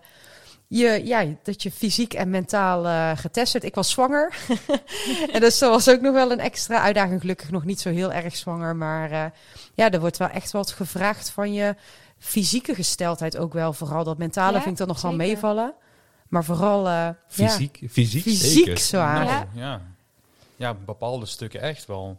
Ik pretendeer niet te veel van deze kamer, want het zijn zwart geverfde muren met eh, puzzels overal. Hier en daar een beetje samenwerken, een beetje fysieke proeven, wat behendigheidsproeven en eh, een beetje logisch nadenken en wat communiceren met elkaar. Veel meer is het niet en op het einde krijg je een overhoring en degene die wint krijgt een t-shirtje. Ja. Ja. Nou, ik vond het wel oprecht best een leuke kamer. We hebben Ja, best wel Ja, veel vind, ja, nee, maar dat vind ik ook. Ja, jij dat- zegt dat hem zo heel snel, maar ik vond hem ook wel echt heel erg. eh, ik heb hem ook echt wel van Kijk, je moet er echt niks van verwachten, Nee. want het is geen thema, geen verhaal, eh, geen decor, amper geluid. ehm, maar ja, ga er gewoon met die instelling naartoe. Het is echt een doekamer. Ik vond, ik vond het ook echt leuk voor de afwisseling. Het, eh, je, je- Ja. ja. Dat is het. Ik vond het ook echt een unieke beleving. Ik heb hier ook opgeschreven. Het is eigenlijk een combinatie van escape room, apenkooien, Ja. fysieke uitdagingen en zelfs je geheugen wordt op de proef gesteld. ja. Dus het is echt een, eh, het is een, het is een, eh, ja, een combinatie van iets wat je denk ik niet zo alledaags, eh, wat je niet zo alledaags ziet. Nee, maar je moet er echt, echt niet voor naar Spanje gaan. Nee, nee, nee, dat Nee, zeker niet. Maar, Maar, ik vind hem wel, hij, kijk, hij ligt wat uit het, of nou ja, wat, hij ligt behoorlijk uit het centrum. Maar ik ben wel blij uiteindelijk dat we hem hebben meegepakt. ja, ik vond het ook wel heel erg leuk dat we hem Ja. hebben gedaan. Hij stond ook zeker wel, ja, we hebben er maar twaalf gedaan, maar wel aan de, aan de, aan de bovenkant van die lijst. Ja, Het is wel gewoon een lekkere kamer om gewoon een keer even een uurtje niet na te denken en gewoon stomme spelletjes te, gaan, doen en ja. gewoon te Ja. lachen. Ja. Je Ja, hebt op een ook. gegeven moment ook een, een bepaalde puzzel moeten doen dat je dingen moest uitbeelden. Nou, ik heb echt krom gelegen van het lachen. Want het ja dat is sloeg, toch leuk? Het Ja. sloeg helemaal nergens op. Daar we ook echt zaten te denken van wat is dit? Maar ja, daardoor hebben we zo'n lol gehad. Ja, en we hebben hem ook hindeloos gespeeld. Dus ja, dat maakt ook wel dat je iets meer lol hebt als normaal. Dus, eh. Ja. ja. en als je dan toch bent, ja, dan kun je evengoed Abduction 4 Enterprises meenemen.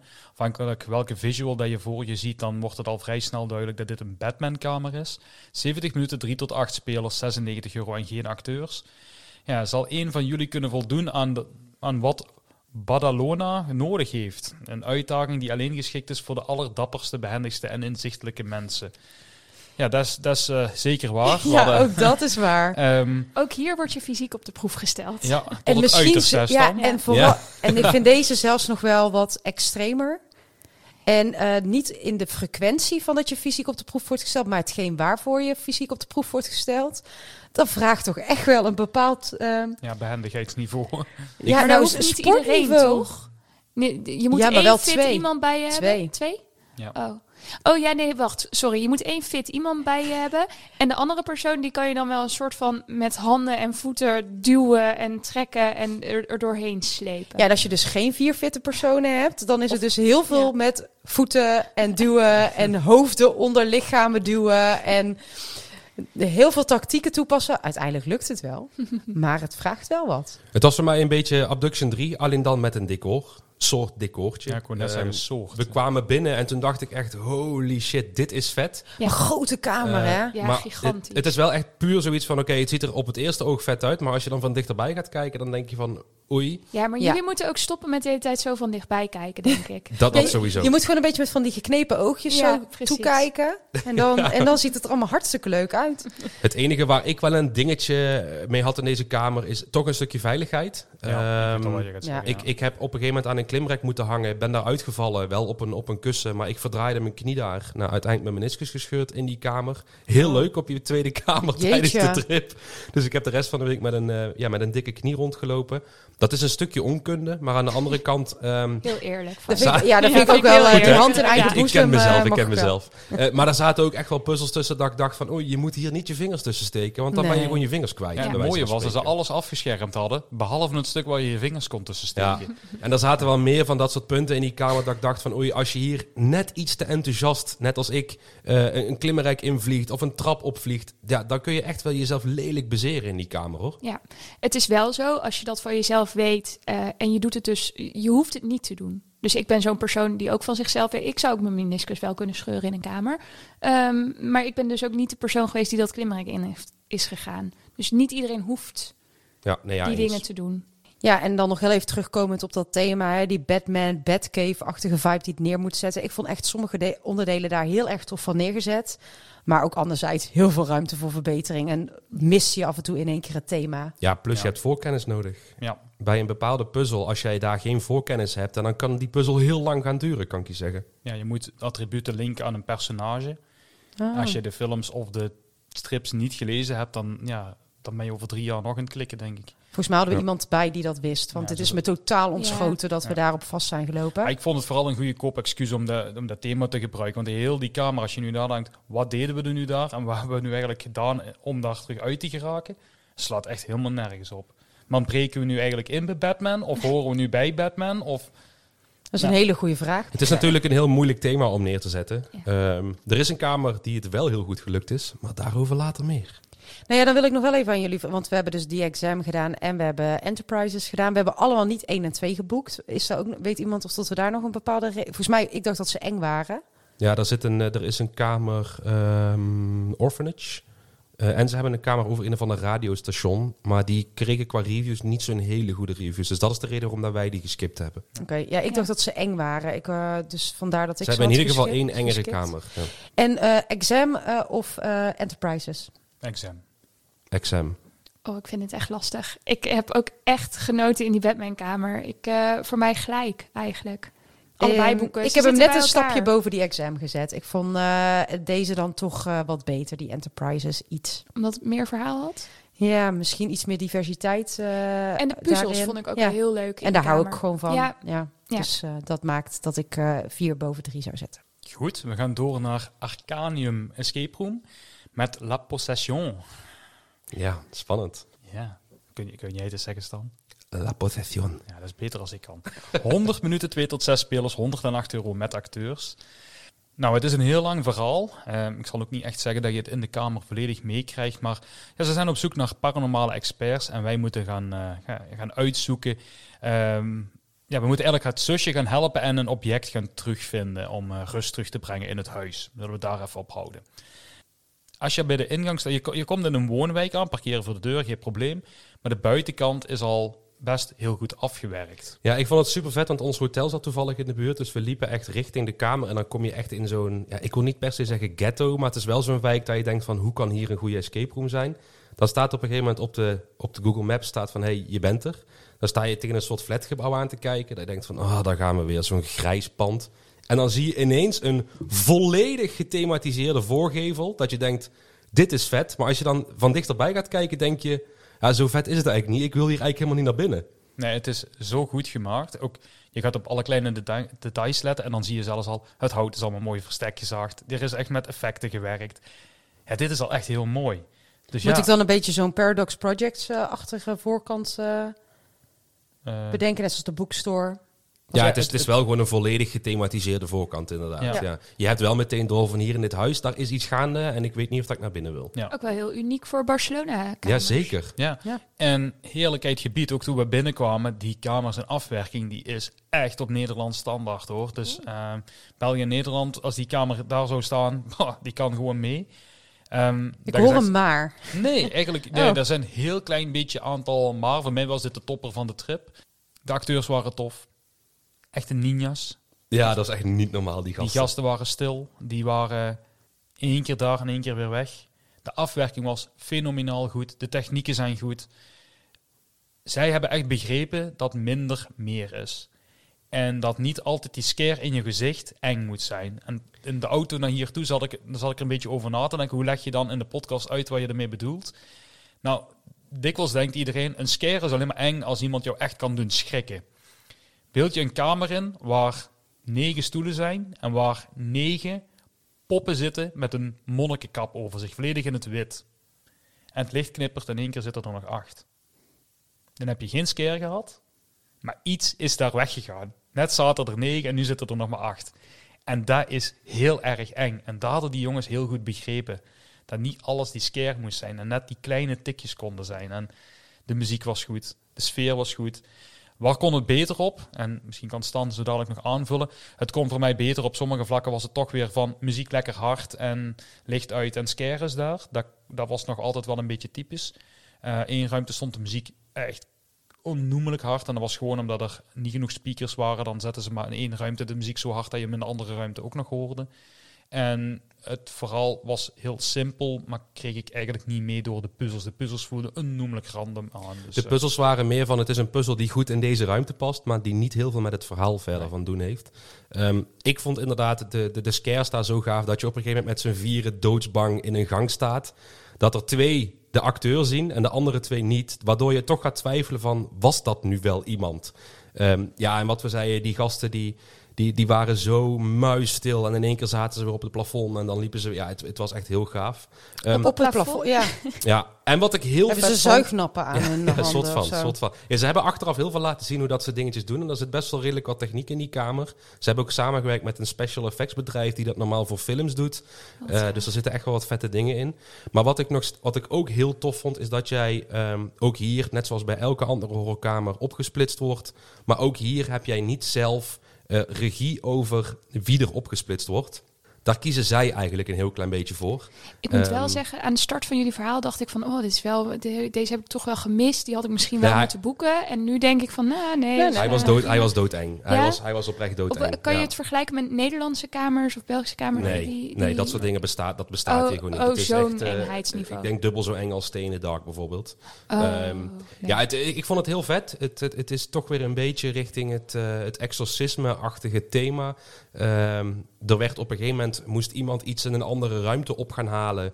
Ehm, nou, dat was ik, want ik had blijkbaar in het begin iets gekregen waardoor alleen ik dat kon doen. Ehm, en het vette was, ik kon het ook alleen doen, want er zat een vingerprint op het dingetje wat ik meekreeg. Dus ik kon het alleen maar zijn die weg moest.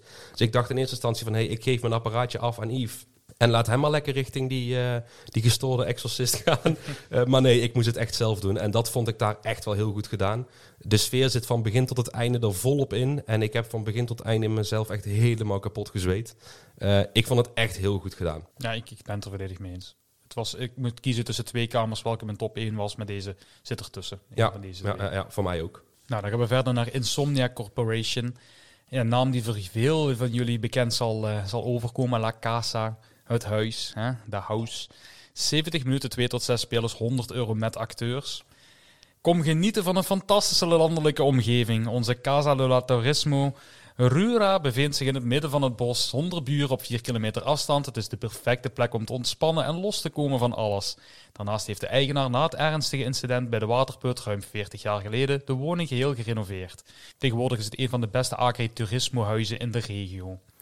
Ja, toen wij dit eh, stukje aan het voorlezen waren in de auto richting deze kamer. ehm, ik had al heel veel gelezen dat deze kamer heel eng was. eh, maar ik dacht, hé, hey, het zal allemaal wel. Toen gingen we dit stukje in de auto lezen van, hé, hey, waar gaat deze kamer eigenlijk over? En toen wij dit lazen, toen gingen voor mij meteen alle alarmbellen rinkelen. Want dit is letterlijk ehm The Ring. Een van de meest enge films die ik ooit in mijn leven heb gezien. En op dat moment had ik ook meteen zoiets van: ik heb geen zin meer om deze kamer te spelen. Eh, we zijn van tevoren nog iets gaan eten. Ehm, en ik had daar elke keer echt zoiets van: ja, wil ik dit wel? Wil ik dit wel? En het probleem is: normaal stap jij een kamer in en dan begin je. Maar het voortraject richting deze kamer is net iets langer dan bij de gemiddelde kamer. Ja, want je, moet, eh, niet, je komt niet bij de kamer aan. Je stopt eigenlijk bij het hotel van dezelfde keten. En ehm, daar word je eigenlijk een half uurtje voordat je de kamer gaat spelen verwacht. En dan mag je wachten. Dan mag je ook free roamen, want het hotel is vrij toegankelijk. Zou ik zeker ook keer eh, aanraden aan iedereen om te doen, want het is eh, best wel thematisch ingekleed. Het is allemaal eng. Je kan er ook blijven overnachten en ze doen ook een diner, helemaal in thema. Dus je wordt eh, bediend door ja, hunchbacks en ja, de hamburgers zijn zwart met bloed. En, Ik stond op een gegeven moment gewoon een trap op te kijken. En daar stond in één keer een clown een middelvinger naar mij op te steken. Ja. Dat ik dacht: oh, leuk, gezellig. We zijn echt welkom. Ja. Dus eh, ja, we hebben ons daar eh, echt prima vermaakt. Eh, maar we moesten blijven wachten, want de eigenaar van het landhuis zou ons komen ophalen. Maar ja, na een half uur wachten bleek, ja jongens, misschien is het maar een goed idee als jullie zelf alvast naar daar rijden. En daar is wat deze kamer zo sterk in is, het voortraject. Het, ja, je bouwt zelf de spanning op door een ja, een adres te krijgen waar je naartoe moet. Dan moet je blijven wachten totdat je weer gecontacteerd wordt. Dat duurt dan iets langer als verwacht. Waardoor je begint te twijfelen van zijn ze ons vergeten? Hebben ze wel de juiste nummer? Maar dan hoort er natuurlijk allemaal een stukje bij. En uiteindelijk krijg je geen adres, maar coördinaten. En Ja. dan mag je met de auto beginnen rijden. En dan blijkt dat je dus eh, op een bepaald moment van de verharde weg af moet. Ja, en Ja. hier is die terrain eh eh, Ja, het is, het is eh, echt, het is niet gelogen. Ehm, het dorpje zelf is ongeveer een kwartiertje rijden van het, eh, ehm, van het hotel af. En vanaf daar is het ongeveer nog ja, een tien minuutjes rijden. Echt een berg op, een heuvel op. Eh, en daar kregen we dus op een gegeven moment op de TomTom te zien van... Hey, je moet hier rechts afslaan. En we hebben echt getwijfeld van... Moeten we hier wel rechts afslaan? Ehm, ja, je gaat daar dus echt een zandweg op. eh, met de wielen scheef. Over grote stenen heen. Dus ik was heel blij dat, dat we onze Seat Ibiza hadden geannuleerd. En eh, in een grote Skoda reden. Maar je moet dus een auto huren om deze Ja. kamer te kunnen spelen. Ja, maar hoe zit denk, het dan met die 70 minuten die hier staan? Dat is de kamer zelf. Maar er wordt ook inderdaad, van tevoren krijg jij een mailtje van... hey, je speelt de kamer om tien uur, maar kom maar vast om half tien eh, langs. Dus dat, de kamer zelf duurt ongeveer 70 minuten. Eh, maar dit is ook zo'n kamer eh, waar ze volgens mij gewoon per groep twee uur vastblokken. En je mag hem volgens mij altijd uitspelen. Eh, maar je- als je een planning gaat maken, zorg er in ieder geval voor dat je er ruim de Ja. tijd voor neemt. Het is ook helemaal niet erg om bijvoorbeeld drie kwartier eerder te komen om daar rond te lopen. Ehm, maar goed, dan ga je dus inderdaad dat, die, dat zandpad op, een berg op, een heuvel op. Ehm, en we hadden echt al letterlijk tien minuten lang geen bewoond huis meer gezien. Dus we zaten echt in de middle of nowhere. Eh, wat ik ook aan kan raden, speel deze kamer in de avond. Dat, doet, dat is echt wel nog gaver met je autoroute. Het is pikdonker en in één keer sta jij op een berg. Je auto draait en dan gaan je koplampen staan in één keer op een groot verlaten huis waar één heel klein lichtje knippert. En toen hebben we onszelf weer afgevraagd, gaan we hier echt naar binnen toe? Want de voordeur stond open. Ehm, nou, uiteindelijk alle moed bij elkaar geschraapt en we zijn toch maar naar binnen gegaan. Ja, ik had er echt super veel zin in. Want ik keek echt heel hard uit naar deze kamer. Dus ik had echt zoiets van, ik ben echt benieuwd wat ze hier zo goed doen.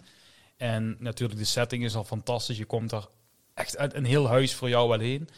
En één keer binnen zetten ze meteen natuurlijk meteen goed die sfeer neer. We werden eh, meteen een thema onthaald. Eh, naar de wc zul je ook trouwens in het hotel moeten. En dan begint het. En ik moet eerlijk zeggen, wat ik, ehm, wat ik jammer vond van begin af aan, om even iets, ja, iets minder te zeggen, is de scares zijn er meteen op. Maar daardoor zie je dus ook de entiteit die jou belaagt, zie je dus meteen ook in volle glorie. Waardoor het afvragen wat belaagt ons, is meteen weg. En het was zelfs zo erg dat we op een gegeven moment stonden, ja, daar, daar is het. En dat we eigenlijk bij elkaar aan het wegtrekken waren om ook eens te kunnen kijken naar, naar wat het was. Want het kwam te snel en te vaak. Maar ik geloof Stan en Gijs kregen meteen de volle scare te pakken. Heel erg goede scares, moeten we wel even ja, bij ja, zeggen. echt twee, twee immens goede scares. Dat we meteen dachten van, aha, shit. Eh, maar daarna viel het eigenlijk een beetje tegen qua Ja. scares. Toen was het weer heel erg het in je gezicht schreeuwen en wegrennen. Eh, dus dat was een beetje jammer. Qua afwerking en dergelijke, je bent echt in een oud verlaten huis. Dus het is overal afgebladderd. En het, het ziet er qua afwerking niet uit, maar dat past heel goed in het verhaal. Ehm, en toen stonden we op een gegeven moment in een ruimte. En dat, dat is misschien wel een van de vetste dingen die we daar hebben meegemaakt. Dat we dachten van, hé, hey, we zijn nu met iets bezig. Hoe vet zou het zijn als dit gaat gebeuren? Maar goed, dat kan natuurlijk nooit. En toen gebeurde dat dus wel. Dus toen stonden we echt alle vier van, holy shit, dit is gaaf. Ja. En dan sta je daar niet meer van, dit is eng. Dan staat er bijna vol verwondering naar iets te kijken. En dan denk je, ja, dit is echt super gaaf gemaakt. En, Hoe hebben ze dit technisch gedaan? Ja, dan zitten bijna met ons handen over de muur te wrijven hoe ze het gedaan hebben. Maar eh, ja, dan is het enge aspect even weg natuurlijk. Ehm, wat wel voor mij tegenviel is, ja, de puzzels hebben niks met het verhaal te maken. Het is echt afzonderlijke puzzels die je oplost. En ja, af en toe is het, ja, word je gescared. Daar zullen we het gewoon even op houden. Waarvoor wij de kamer echt naliet, was het einde. En daar hadden we helaas weer hetzelfde pakken, te pakken als bij Outline. Dus die vrouw komt met die kettingzagen achter jullie aangerend. Ja. Ja. En je wordt Oh, echt? huis gejaagd. Nee, niet. Ja, ja dat Ah. is uiteindelijk... Het jammere was Nee, voor niet ons met die ook... kettingzaag, toch? Ja, zeker wel. Ja, Hoe dan? ja dat, is, dat was een beetje jammer. Het, het, nadeel, was, was echt, het eh. nadeel was voor ons ook, en dat, dat was een beetje leem. Ehm, we hadden een sleutel gevonden en daarmee zouden we uiteindelijk eh, eh, eh, richting het einde moeten. Ehm, alleen, nou bleek dat die sleutel kapot was. Die was verbogen al een paar dagen eerder. En daardoor hebben ze een deur voor ons open laten staan, waardoor wij meteen door naar het einde konden. Op zich prima. Maar toen stonden dus uiteindelijk weer buiten La Casa, dus buiten het huis. Het spel was afgelopen. Maar wij stonden dus nog steeds met die sleutel in onze hand, want die hadden we nog niet gebruikt.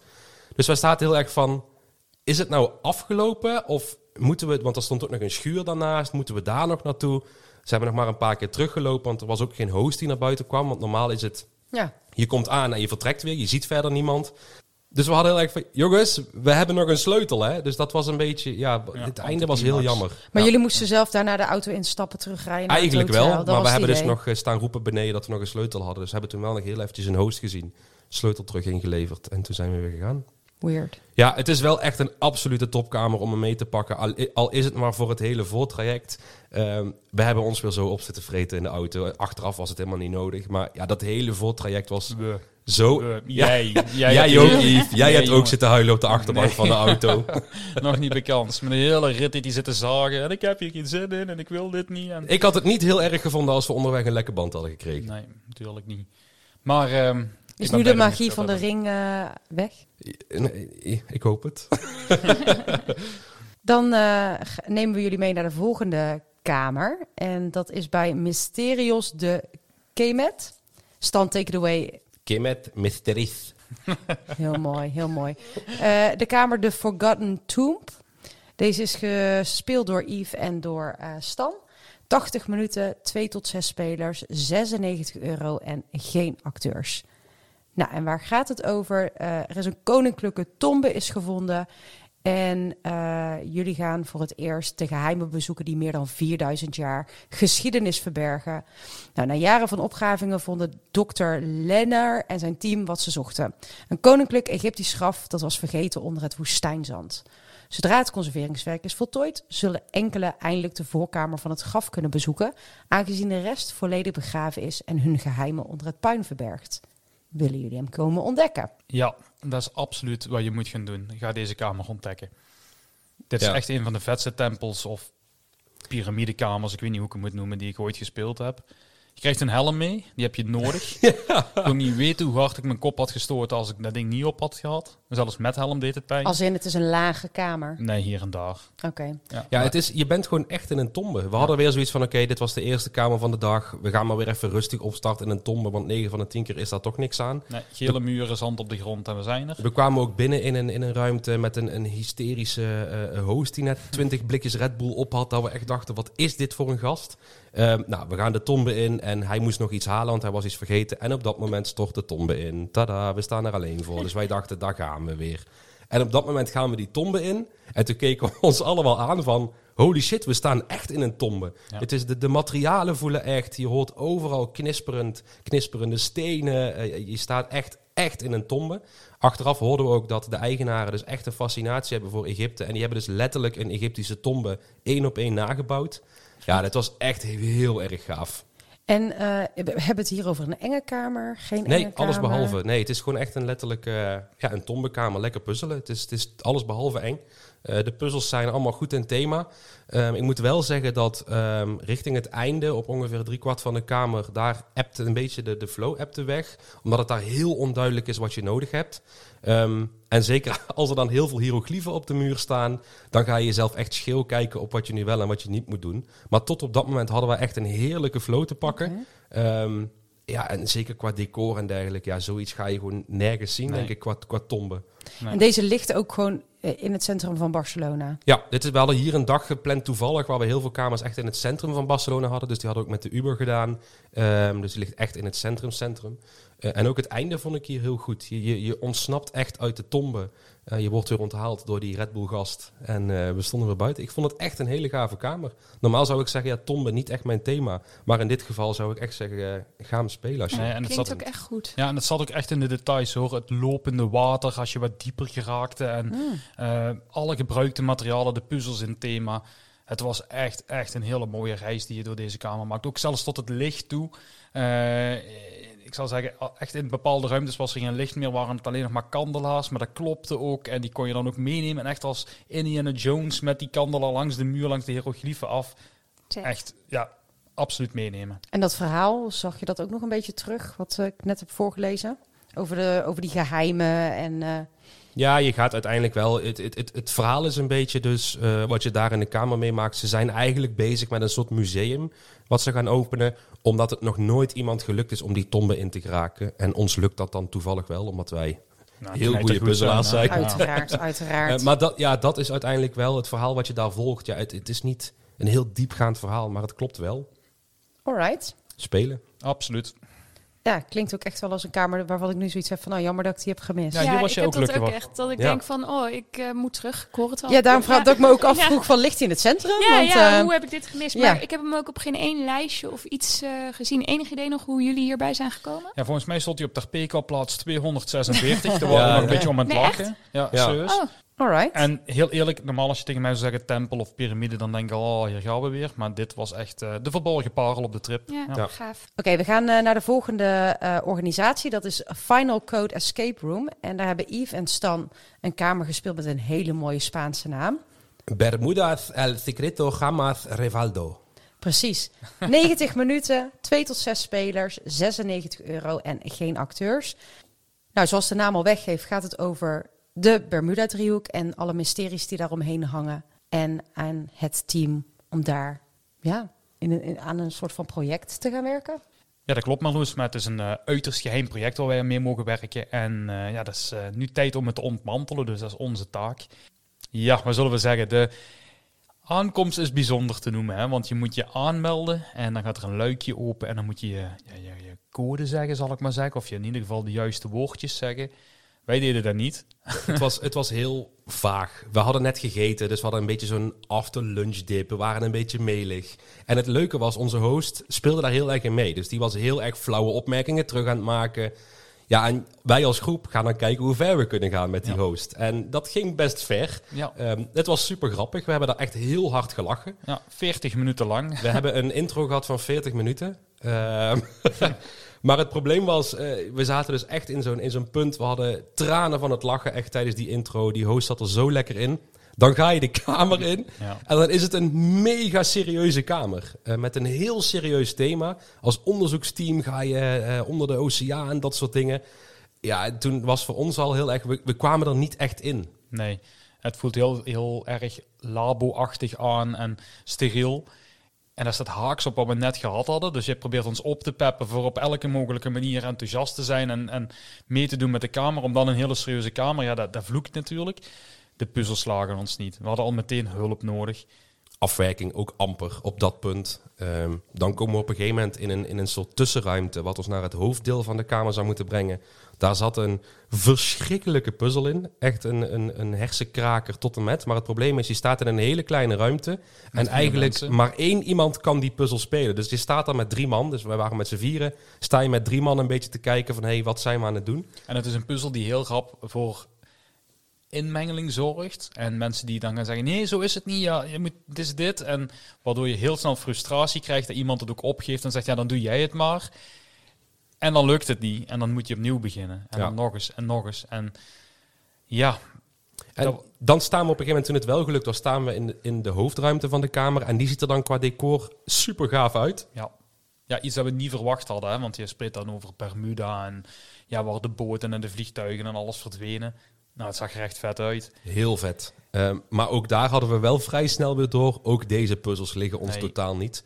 Totdat we op een gegeven moment echt allemaal, want we waren allemaal een beetje los met puzzels bezig. We zaten allemaal op een frustratieniveau. En toen dachten we van wacht eens eventjes. Onze planning vandaag is bij deze kamer best wel strak. Hoe lang heeft onze intro geduurd? Want we hadden onze telefoons en dergelijke al ingeleverd. Dus dan hebben we heel leuk aan onze host gevraagd van... hey, ehm, beste host, hoe laat is het? Eh, en toen bleek dat we echt al op het einde van, eh, van onze tijd zaten. Dat we eigenlijk al weg moesten gaan. Eh, omdat we dus een introductie hadden gehad van 40 minuten. En als we de kamer uit wilden spelen, hadden we echt nog wel 45 minuten nodig. Dus toen stonden we voor de keuze van... oké, gaan we deze kamer doorspelen? Ehm, want het decor was op dat moment best vet. En het zou heel jammer zijn als we daar iets qua decor zouden missen.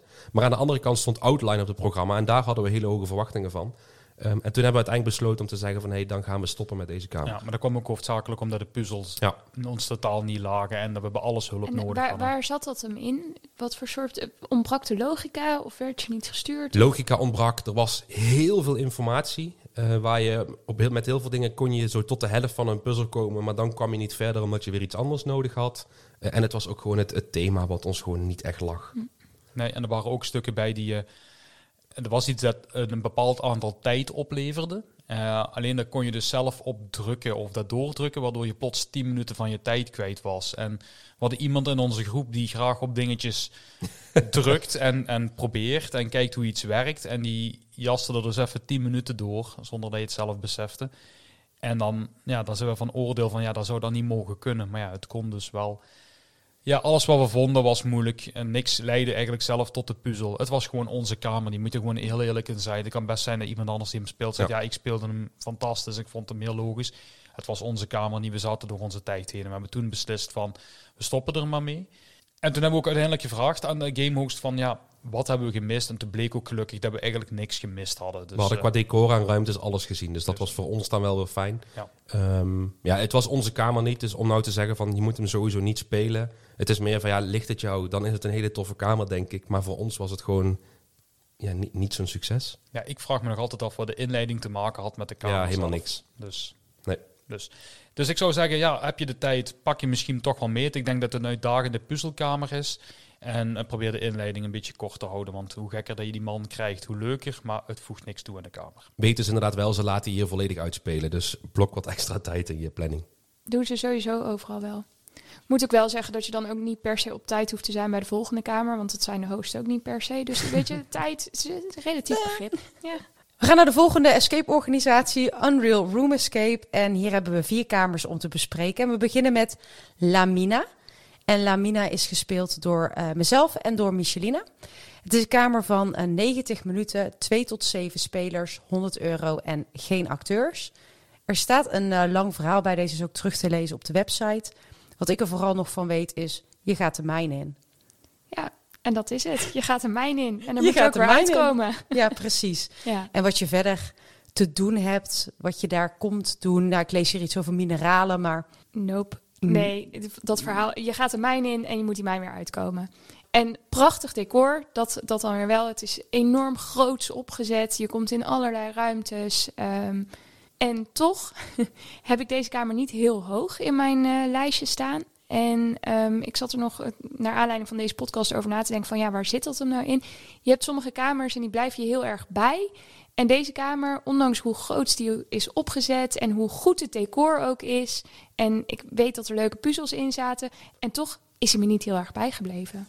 Ja, mij is hij op zich wel bijgebleven. Maar wel ook vooral denk ik met de eindconclusie dat het voor ons in ieder geval een te makkelijke kamer was. Misschien was dus ik sluit me heel erg aan bij het, dat het decor echt heel erg mooi is. Er zitten ook hele vette momenten in. Zeker. Uh, ook iets unieks heb ik nog nooit meegemaakt Absoluut. in een escape room. Natuurlijk helaas niks over zeggen. Wat wel goed is om te weten, je kunt halverwege naar de wc. Ja. Dus uh, mocht je naar de wc moeten, geen enkel probleem. Nou, dat is niet helemaal waar, want wij kwamen aan en zeiden: mogen wij naar de wc? En dan zeggen ze: nee, daarvoor moet je eerst een tijdje spelen. Oh, ja. oh, van tevoren mag je niet. Nee. Oh, dat was. Want uh, ja, halverwege, halverwege zit een wc. En is de wc een thema? Nee. Wij zijn alle vier geweest. Want we zaten op een dood moment waar maar we op zich die iets, deur uh, wel toch? Het is niet zo van oh de je staat deur wel, ja. maar als je de, het toilet binnenkomt, is, Is het dat wel een toilet? gewoon echt een wit betegeld toilet met TL-verlichting. Uh, ja. Mooi in de mijn. ja, ja. Ja, en, uh, en wat ik zeg, uh, het was uh, over de makkelijkheid. hij is 90 minuten. Wij hebben er zelf als groep 50 minuten over gedaan. Ik weet niet wat jullie daarin hebben gedaan, Mies. Maar ja, 40 minuten over op een 90 minuten kamer vind ik wel veel. Um, en ik denk ook wel dat er groepen zijn die het wellicht wel wat meer nodig hebben. Wij 55 minuten ook, inderdaad. Ja, het is, het, de moeilijkheid is gewoon voor een groep in ieder geval die ervaren is, gewoon niet zo heel hoog. De puzzels heb ja. je ondertussen wel gezien, dat is het, ja, denk ik. Wel leuke puzzels, hoge puzzeldichtheid ook. Ja, dat, ja. veel te doen. Ja. Veel verschillende ruimtes, uh, ruimtes ook wel, hè. verschillende plekken waar je komt. Dus al met al, het is wel een aanrader. Ja. Je, als je er dan toch bent in Barcelona, pak deze mee. Maar misschien dan... Maar niet te hoge verwachtingen misschien. Ja, ik denk dat je moet zien als een hele lekkere puzzelkamer ja. met een oké-ish niveau aan puzzels en uh, die in ieder geval heel mooi gedecoreerd is. Want Ja. laten we wel wezen. Ja, absoluut. Nou, ik denk dat dat, uh, dat, dat het wel uh, zegt over Lamina. Dan, uh, deze kamer had ik als eerste gespeeld, Lamina. En daarna gingen we meteen door naar Narcos. En dat was wel een heel raar moment, want toen kwamen die mijn uit. En toen gingen we eigenlijk meteen een soort van de Narcos-kamer in. En dat was ook een soort van voorstukje, een soort acteerstukje van de host. Dat was wel een hele rare over, uh, overgang. uh, en ook daarin weer die hospitality die er niet is om heel even een drankje te kunnen doen of iets de dergelijks. ruimte ook niet naar. Je gaat gewoon echt door. Nou, deze is 90 minuten, 2 tot 7 spelers, 100 euro met acteurs. Ja, dat klopt op zich wel. Nou ja, het is een stukje uh, pre-show, dat doen ze weer heel erg leuk. En uh, ik moet zeggen dat ik ook wel met een enthousiaste groep is die dan ook wel leuk meedoet met die acteur. Dus dat maakt zo'n begin dingetje dan wel extra grappig en, en, en, uh, en leuk. Uh, nou ja, waar gaat de kamer over? Het is, het is echt een, een drugs, drugskartelkamer. Ja, de, na de naam zegt het al. Volgens mij, je gaat binnen in, de, in het huis van de maffiabaas. En daar, heb je, daar, heb je wat, daar heb je wat te doen. En ehm, het, is, ja, het is een huis. En, maar ja, uh, ja, hoe kan ik dat zeggen? Ja, het is heel, vier, het is, ja, heel vierkant. Ja, er is een huis natuurlijk ook wel. Maar ja, het oogt als zijnde... We hebben hier een, een interieur proberen na te bouwen... wat dan net niet helemaal lekker tot zijn uit. Er staat één bank met een tafel ervoor. En uh, een boekenkast, eentje. Heel echt op die manier is het, uh, is het, is het nagebootst. Het was uh, zeker wel een vermakelijke kamer. Maar als je dan Lamina tegenover Narcos zet, zou ik zeker Lamina wel aanraden. En Narcos zou ik zeggen, mwah, is eh, niet per se een hele grote aanrader eh, om te doen. Ja, jij had dit ook gezegd, dus wij hebben hem daardoor niet gedaan. Want het zit wel bij elkaar Ja. op de locatie. Zeker. Ja, en hij is 96 euro. 100 euro. Ja, dan zou ik toch... eh, eh, hij is 100 euro. Ik zou dat dan toch misschien dat geld ergens anders eh, besteden. Als ik dan hoor over die mooie Egypte-kamer of die Bermuda-kamer, eh, wat puzzelkamers zijn. Denk ik, dan zou ik liever daar. Als ik nu achteraf kan kiezen, zou ik zeggen Narcos niet. En zou ik andere kamers eh, kiezen. Dus ik denk dat ik er niet veel meer hoef te zeggen over deze kamer. En anders kan je Escape Talk eh, raadplegen. Ja, dan gaan we verder naar Districto 111 of 111. Ligt wel op een andere locatie als de andere twee, dus we moeten even goed rekening mee houden. 90 minuten, 2 tot 7 spelers, 96 euro en geen acteurs. Ehm, ja, na een grote ramp verwierf de federatie de macht over een deel van de stad en slaagde erin eh, van de situatie te profiteren om de macht te verwerven in ruil voor de veiligheid van de bevolking.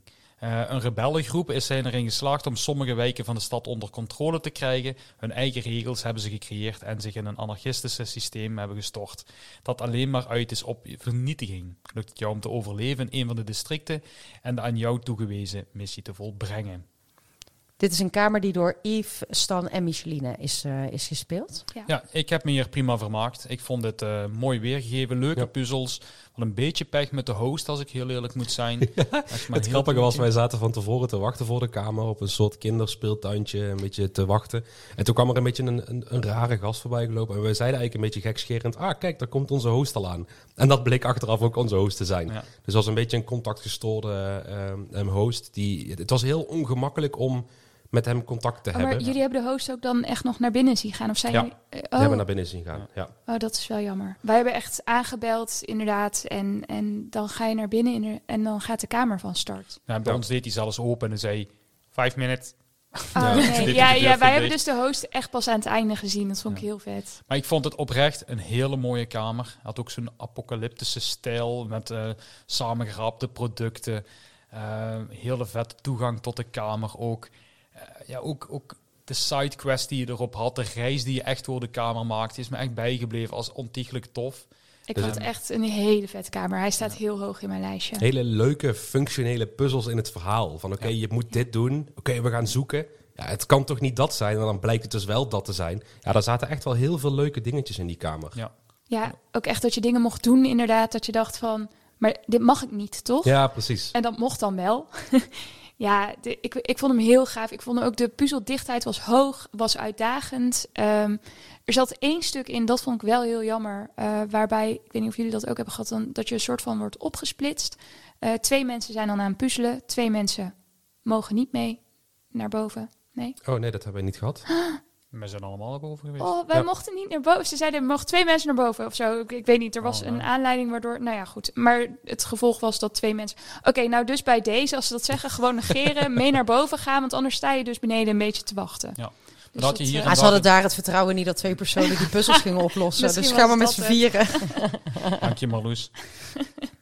nou, ik had het toch wel vaker in die kamer dat je vaak met vier mensen keek hoe twee andere mensen aan het puzzelen waren. ja, dat had ik dus helemaal niet. Behalve bij dat stukje. Ja. Ik vond het Vond echt, ik Want het is lineair. Nou, het is nee, het is regelmatig parallel.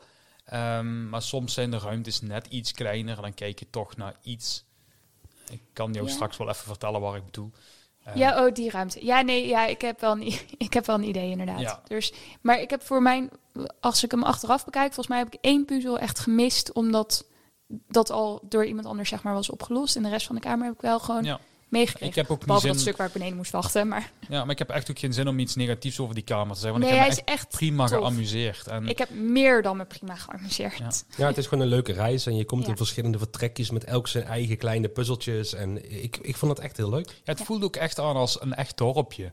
Ja. Ehm, het, als een, het, het voelt niet aan als gecreëerd. Het voelt echt aan, ja, dit, zo zou het kunnen zijn. En Ja. als een kleine samenleving op een kleine Ja, het is oppervlakte. Heel Dus, erg, eh, echt dat district, echt op handen en voeten eh, door, door mensen die daar wonen in elkaar gezet. En het ziet er allemaal een beetje krakkemikkig uit, maar dat past heel goed. Ja. We zaten ook echt vanaf het begin af aan meteen in die goede sfeer. Echt een leuke kamer. Meepakken. Klinkt ook wel Zeker erg goed. spelen. Ja. Ook weer eh, halverwege een toilet. niet in thema. nee, totaal niet in tegen. Ja, het grappige was, sterker nog, bij die toilet daar lagen alle, alle attributen die je daarna Ja, weer op de klopt. foto kon nemen. Dus we stonden daar bij het toilet met allemaal grote nerfgeweren en schilden. Dat ik dacht, oké, Dus jij zat vanuit de wc, zat jij iedereen Ja, te ja, ja. bekogelen. Ja, precies. Met een nerfgeweer. Hè? Ja, ja, ja. Ik was op de schunningen mop aan het wachten. Ja, dan hebben we nog een vierde kamer. Eh, die is alleen door Micheline gespeeld. Ja, en dat is eh, Agraba. Ja, hij heeft een volledige Spaanse naam. Het- Stan, wil jij nog even een poging wagen? Las Maravillas de Agraba. Ja, Agraba, dus Aladdin. Ehm, en ja, dit is ook weer een kamer die zit in een woonwijk. We hadden van tevoren gemaild of een half uur eerder konden komen spelen in verband met het spelen van een andere kamer. Was allemaal geen probleem. Ehm, nou, dan ben je daar vroeg in de ochtend. Geen host te bekennen natuurlijk. Ga je achteraan bellen. Dus een beetje hetzelfde verhaal als wat we al eerder eh, hebben besproken. Ehm, van tevoren met het afwijken van tijden, alles wat je anders wil, dat werkt eigenlijk niet. Uiteindelijk kwam de host wel. Eh, die ging dus inderdaad naar binnen, want dat is dan hier ook. En dan moet jij nog steeds buiten wachten. En net zoals meer kamers in Barcelona, is, sta je in een woonwijk dat je denkt in een soort rijtjeswoning eigenlijk. En dat je denkt, nou, hier kan toch weinig achter zitten. En daar zit me toch een loods achter van heb ik jou daar. Dat je denkt, waar, waar halen ze al deze ruimte vandaan? En dat heb ik heel veel gehad in Barcelona. Dat is echt bizar. De kamer is voor twee tot zeven spelers. Hij duurt 90 minuten en ehm, hij is voor vier personen 104 euro. En ook hier is het weer, de kamer is 90 minuten, ehm, maar eigenlijk zijn al die kamers van 90 minuten ben je volgens mij in een uur uit. In elk geval van deze organisatie. Hier zitten geen acteurs in, denk ik. Of Nee, wel? geen acteurs. Ehm, en het verhaal is eigenlijk, ja, je gaat door de film. Het, het, het verhaal op de site eh, is van je moet de mensen van Agraba helpen en de sultan is in gevaar, zoiets dergelijks. Dat komt niet helemaal terug. Je gaat eigenlijk door verschillende scènes van Aladdin ga je heen. Hele leuke puzzels, eh, grote kamer, zitten hele vette aspecten in. De afwerking is. Eh, Maar maakt het niet- het waar? De, ja, want dan krijg ik nu meteen... De Disney-film gaat als een film Ja. nu aan me voorbij. Ja, en ik, ik, ik ben dus echt heel erg Disney-fan. Ik snap ook niet dat Stan hem niet heeft gedaan. Die moet terugvliegen, denk ik, naar Ja, Barcelona jammer. voor deze kamer. Ja, eh, kijk, qua afwerking eh, is het gewoon niet, maakt hij het niet waar. Gewoon niet. Ehm, maar dit is wel de kamer waarbij je thuis komt en dan ga je praten eh, hè, over hoe gek je bent tegen collega's. Dat je dus naar Barcelona gaat om alleen maar escape, escape rooms te spelen. En eh, dan ben je over deze kamer aan het vertellen. Over de aspecten die in deze kamer voorkomen. Omdat je het zo naar je zin hebt en zo hebt gelachen. En, en ehm, ja, er zitten zulke gekke dingen in, waardoor ik zeg van, dit moet je meegemaakt hebben. Dit wil je meegemaakt hebben. En dan is hij helemaal niet zo sterk qua puzzels of, of uh, en ook niet qua decor als je verder kijkt. maar wel in opzet absoluut meepakken. Heb je spijt, Stan? Ja. Ja, dat vind ik terecht. Ook. Met je ja. Disney-trui ja, aan ook ja. Nou, dan gaan we door naar Red Dopamine en met Awaken Escape Room. 90 minuten, 2 tot 7 spelers, 100 euro met acteurs. Deze kamer is in drie modi te spelen: Adventure, Horror en Mystery. De kapel van Santo Thomas is gesloten. Er gaan geruchten dat dit kwam door demonische gebeurtenissen. Zijn deze geruchten waar? Kun jij de vervloekte kapel opnieuw heilig maken om het verhaal na te vertellen? Wij hadden deze kamer geboekt in mystery modus, maar zoals we het straks al hadden verteld, hadden we op een bepaald moment wel onze buik vol van. En we komen op de locatie aan waar we moeten zijn en we lezen daar een berichtje op onze telefoon, een mailtje, dat wij naar een ander adres moeten. Dus wij wandelen naar het andere adres en we moeten daar goed op de gevel Op kijken. goede loopafstand dan. Op loopafstand. En daar staat een QR-code op de muur. Die moeten we scannen. We scannen die met onze telefoon. We komen op een site terecht. En daar moeten we de modus kiezen wat we willen spelen. Dus adventure, horror of mystery. En wij dachten, ah, dat is handig. Dan kiezen we in plaats van mystery, adventure. Zijn we meteen van de eng thema af. Dus adventure, we krijgen een intro te zien. En we krijgen daarop de bericht, ga naar dit adres. Ja, je mag drie keer raden, dat was het adres waar we net vandaan kwamen. Dus we konden weer terug naar de escape room. Daar werden we ontvangen door een uh, ja, medewerker van de kerk, zullen we het zo even noemen. Ja. Maar die vrouw deed me toch een portie lelijk tegen ons. Dat was echt absurd hoe kwaad die was. En wij dachten, ze zal toch wel door hebben dat wij adventure hebben net geklikt net, of niet? Dus ze was klaar en wij zeggen, zo heel stil tegen haar, adventure modus. En zij zegt, no, no, no, no, mystery modus. Ik zeg, no, adventure modus. En je ziet gewoon de paniek in haar ogen van, oh oh, hier loopt iets mis. Dus ze zegt, are you sure? Ik zeg, yes, we're sure. Maar wij waren dus heilig overtuigd, omdat we net dus op adventure modus hadden geklikt, dat zij dat begrepen hadden. Wat bleek nu achteraf? het is helemaal niet de bedoeling dat je bij die QR-code je modus verandert. Bij die QR-code moet je gewoon kiezen wat je al gekozen had. maar dat wisten wij dus helemaal niet. Wij dachten toen, ah, je kan hier je modus kiezen. Dus ja, wij waren er heel erg van overtuigd dat we het aangepast hadden naar Adventure. En het bleek dus uiteindelijk... Maar waarom moet je dat dan doen? Ja, ik dacht jullie moeten op en neer lopen, zodat zij dan die kamer kunnen inrichten Ja. of zo. Op dat, Geen ja, idee, maar je ja. krijgt dus een andere introfilmpje. bleek achteraf ook dat we helemaal niet naar de kamer hadden moeten wandelen, maar rechtstreeks naar die QR-code hadden moeten wandelen. Maar ja, dat ligt zo kort bij elkaar dat weinig of niks uitmaakte. Maar, Maar, goed, ik, het was- maar ik zie hier wel staan dat Adventure vanaf 12 jaar is Ja. een mystery van vanaf 14 jaar. Heb je dat gemerkt dan?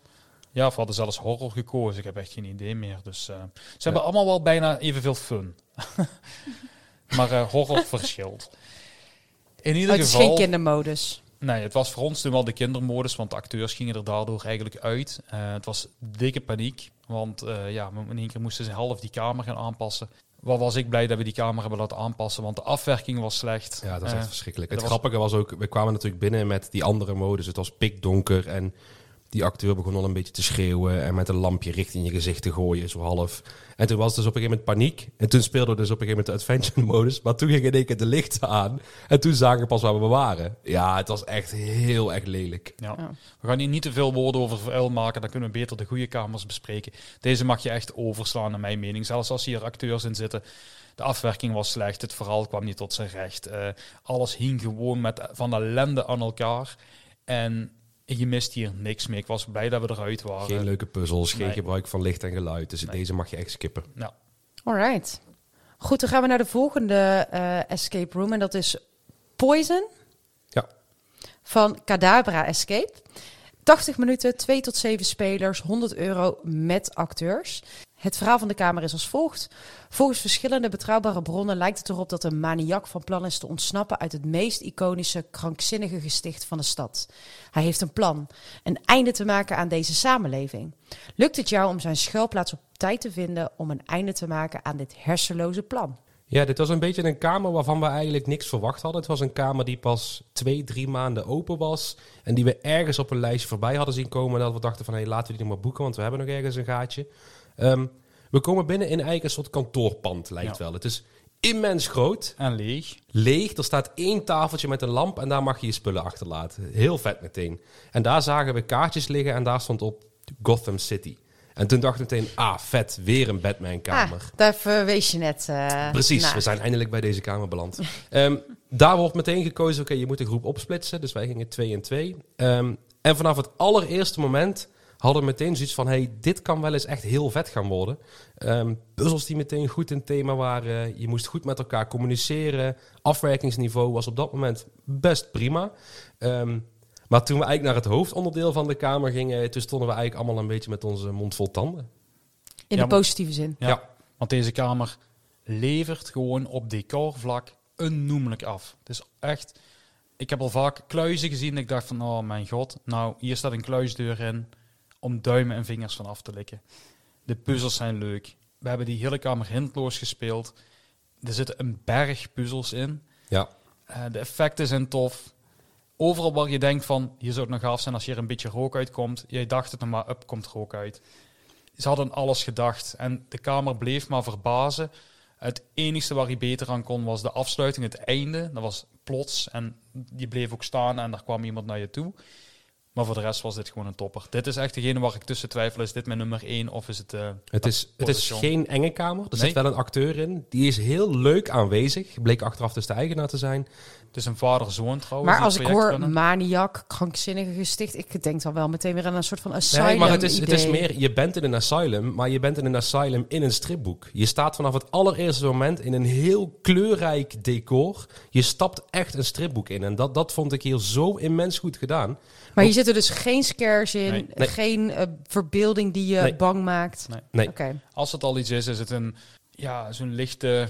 Ja, het is een Dus- hoofdje wat er ineens Ja. is en weer weggaat en een Ja. keer lacht. En die is aanwezig. En Centrum Barcelona? Eh, het is er net iets buiten, denk ik. ik ook, maar ja. ik denk dat het, eh, dat het goed te doen is met het... Vergelijkbaar met, eh, Abduction misschien. ik denk het wel, ja.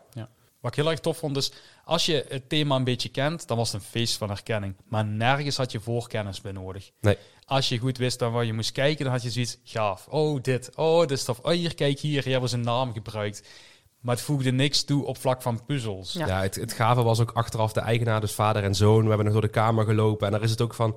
Oh ja, in de stripboeken heb je op een gegeven moment één stripboek... en die heet dan dit en dit en dit. En kijk eens hier naar deze gevel van deze winkel. Die heet ook dat. Dus dat is een verwijzing naar het stripboek. Oh, heb je trouwens de putdeksels al gezien? Daar zitten verwijzingen naar die en die film. Dat ik echt dacht, geweldig. hoeveel hebben ze hierin gestopt? Ja. Het, ja, het, het ligt er helemaal niet zo heel dik bovenop... maar de afwerking en dat soort dingen... Ja, Ja. het is echt heel erg goed. Ja, dit is een kamer, sla hem niet over, pak hem gewoon lekker mee. In het begin Cool. zul je misschien denken van...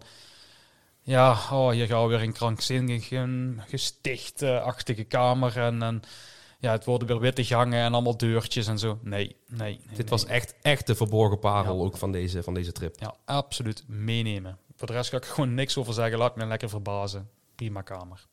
Alright. Dan eh, gaan we naar Immortal Room. Dat is de organisatie met Diamond of Souls. Oftewel, El Diamante de Almas. precies. Nou, je, doet, het- je doet het echt Goed, ja, ik vind het fantastisch. Ik vind het echt mooi. Even kijken. Dit eh, is een eh, kamer die duurt 80 minuten. Twee tot zes spelers. 100 euro met acteurs. Eh, de kamer gaat over een beroemde diamantslijper die eh, Spanje bezoekt voor een bijzondere tentoonstelling. En hij staat bekend om het creëren van de beste diamanten ter wereld. Niemand is er ooit in geslaagd de zuiverheid en schittering van zijn werk te evenaren. Geniet van de exclusieve diamanten en juwelen van deze unieke kunstenaar.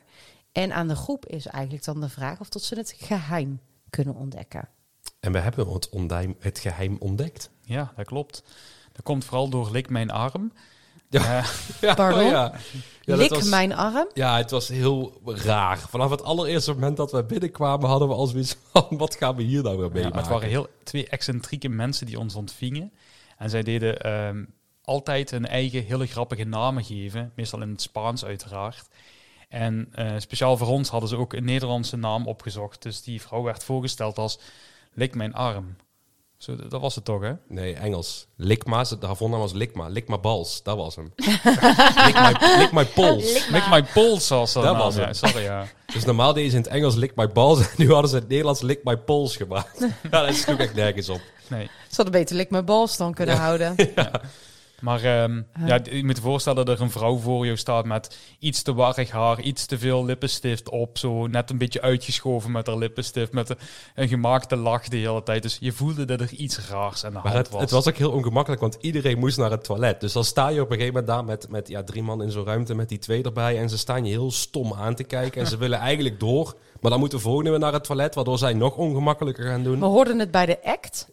I- I- Ja, maar achteraf dacht ik ook wel van deze mensen Ja. sporen volgens mij echt niet. wij, wij gingen op een gegeven moment hun sollen en dat vonden hun ook wel leuk. En dan ga je gewoon kijken hoe ver je kan gaan. Maar op de duur stonden zij er met een slappe lach. Alleen op dat moment is het helemaal nog niet eng of zo. Dus het maakt niet zoveel uit. Oké, dus het was Want een het enge kamer. ja.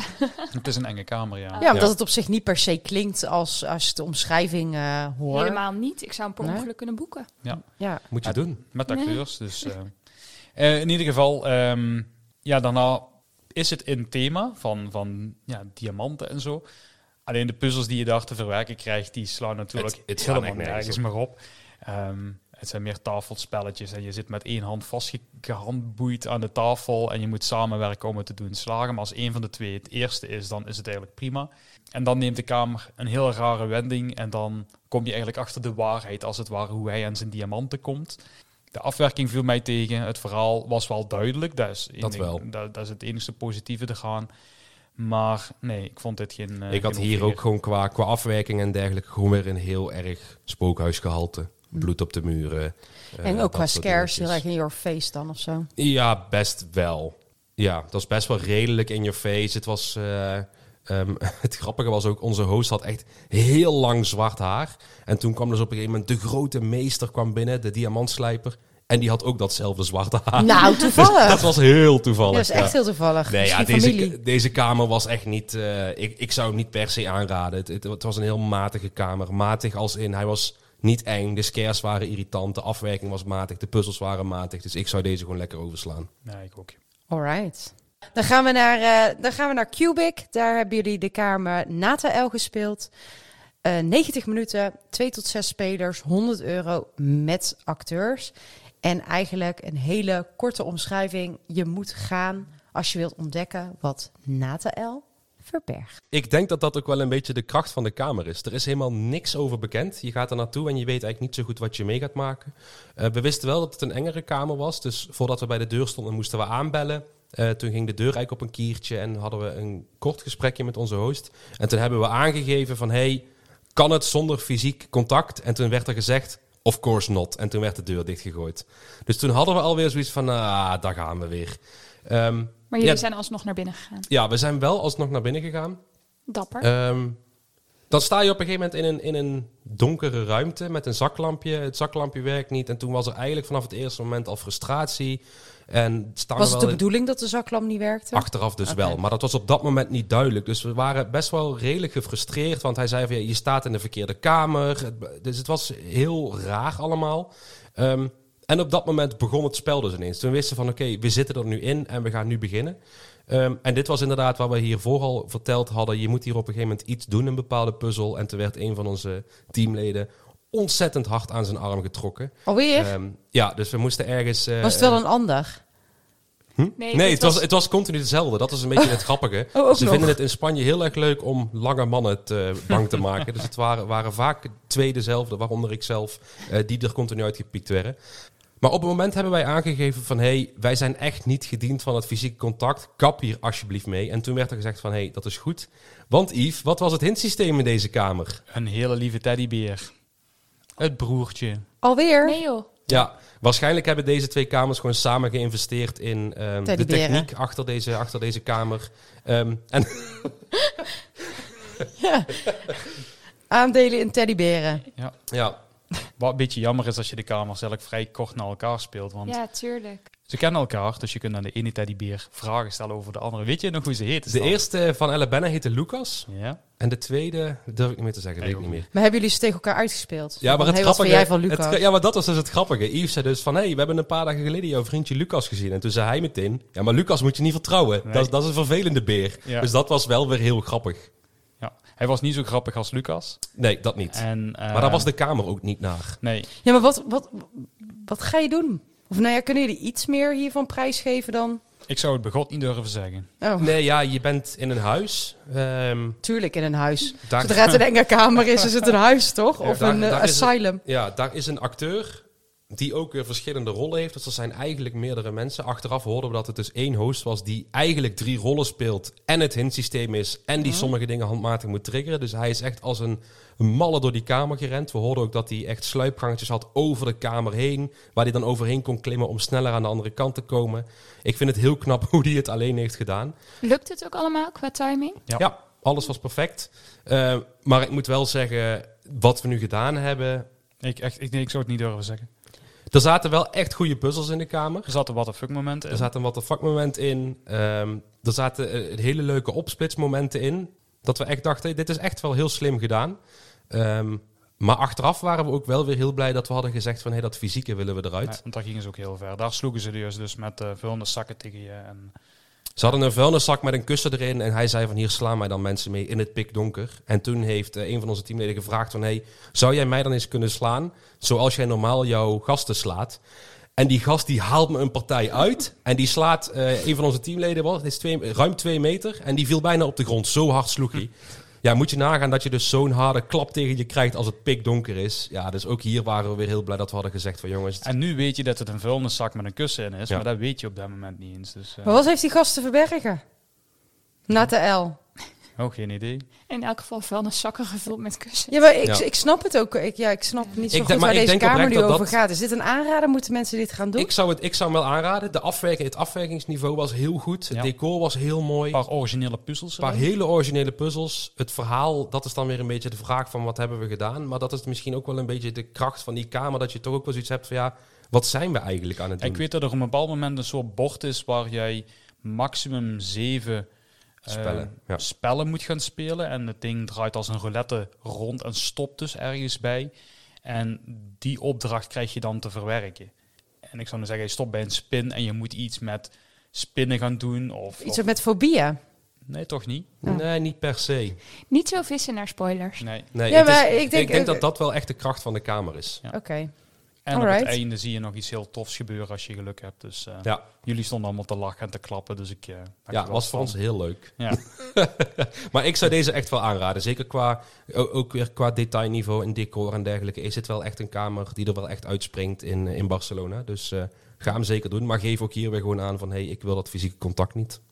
En dan negeren ze dat, maar dan moet je dat nog een keer zeggen.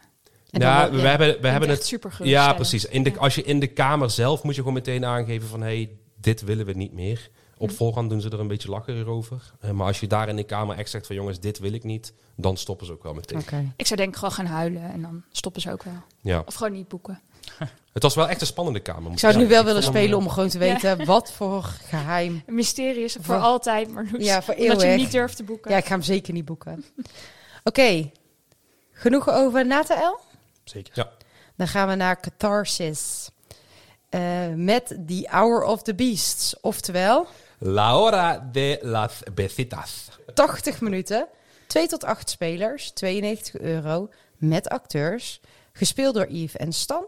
Het gaat over het volgende. De komende dagen vindt in de stad de viering van het eerste experiment van La Purge. Nee, dat is, dat is, dat is, dat is Frans. We zijn in Frankrijk, jongens. Hoe zouden ze dat in het Spaans zeggen? La, La Purge. La Purge. La Purge, oh ja. La Purge heeft plaats. Dus om met andere woorden, de Purge. En om het nut van gewelddadig gedrag te bestuderen zonder bang te hoeven zijn voor de gevolgen, worden de wetten voor een uur afgeschaft en mag alles. Oké, deze kamer is dus inderdaad gebaseerd op de gelijknamige films. Ehm, ik Hoe moet zeggen... La, La Purge. La Purge. Ehm, ja, ik moet zeggen, ik, ik vond het thema eh, van de films heel gaaf om te zien van... Oké, wat gaan ze hiermee in een kamer doen? Origineel Ehm, thema ook ja, in een, ja, je hebt dus inderdaad een uur waar- waarin alles mag. Dus ik had echt, ik had echt zoiets van, oké, dit zou super vet kunnen zijn. Ehm, nou, spoiler alert, zo vet was het eigenlijk helemaal niet. Nee. Je mag toch niet iemand vermoorden? Nee, helaas. ik, had, ik had mijn bijlen al geslepen om Yves een kopje kleiner te maken. Eh, Maar ik ben er maar nog. helaas. nee, ja, we, we komen binnen in een soort reisbureau. Het was heel raar. Heel lelijk. Heel lelijk, puzzels die nergens op sloegen. En toen stonden we ineens midden in een stad waar het decor dan wel weer heel gaaf was. Het leek ook of ze niet kunnen kiezen. Of dat wij nu bij de mensen hoorden die eigenlijk Le Purge, of La Purge, of hoe het ook De heet. Purge. Le Purge. La Purge. Ja, het, wilden uitvoeren of dat we de slachtoffers waren. Daar konden ze totaal niet tussen kiezen. Dus eh, dat was al heel raar. Decor helemaal mee eens. Ze gaven ook achteraf toe dat ze de, een eh, decoratiefirma die voor eh, tv-series werkt hadden ingeschakeld. En dat zag je ook. En je zag ook precies wat ze zelf hadden toegevoegd. Dus dat was het eh, slechte nieuws. Was het Ja, eng? Nee, het was helemaal niet eng. De acteurs waren heel goed. er liepen twee acteurs in. Ehm, en één acteur sprak eh, vloeiend Spaans. En de, an- de ander ging dan elke keer in het Engels vertalen wat hij had gezegd. Dus hij begon Spaans te praten en dan zei hij... Yes, uh, he just said that... eh, en dan ging hij zitten vertalen wat hij zei. Ja, het had echt geen toegevoegde waarde. Nee, en die kamer was ook totaal niet in het Engels te spelen, want alles wat we tegenkwamen was in het Spaans. Dus dan moesten we letterlijk zeggen, we zien hier dit, wat betekent dat? En dan ging iemand over een micro roepen wat het dan wel juist was. En ja, Nee, het was, het was echt niet... eh, Maar jullie hebben wel aangegeven van we willen hem in het Engels spelen. dat Ja, was ja, wel mogelijk in de boekingsmodule, zeg maar. Hij staat ook in Trapeka, deze kamer. Oké. Eh, wel En ergens terecht? onderin. Nee, Nee. Het is, eh, ik zou deze ook gewoon overslaan.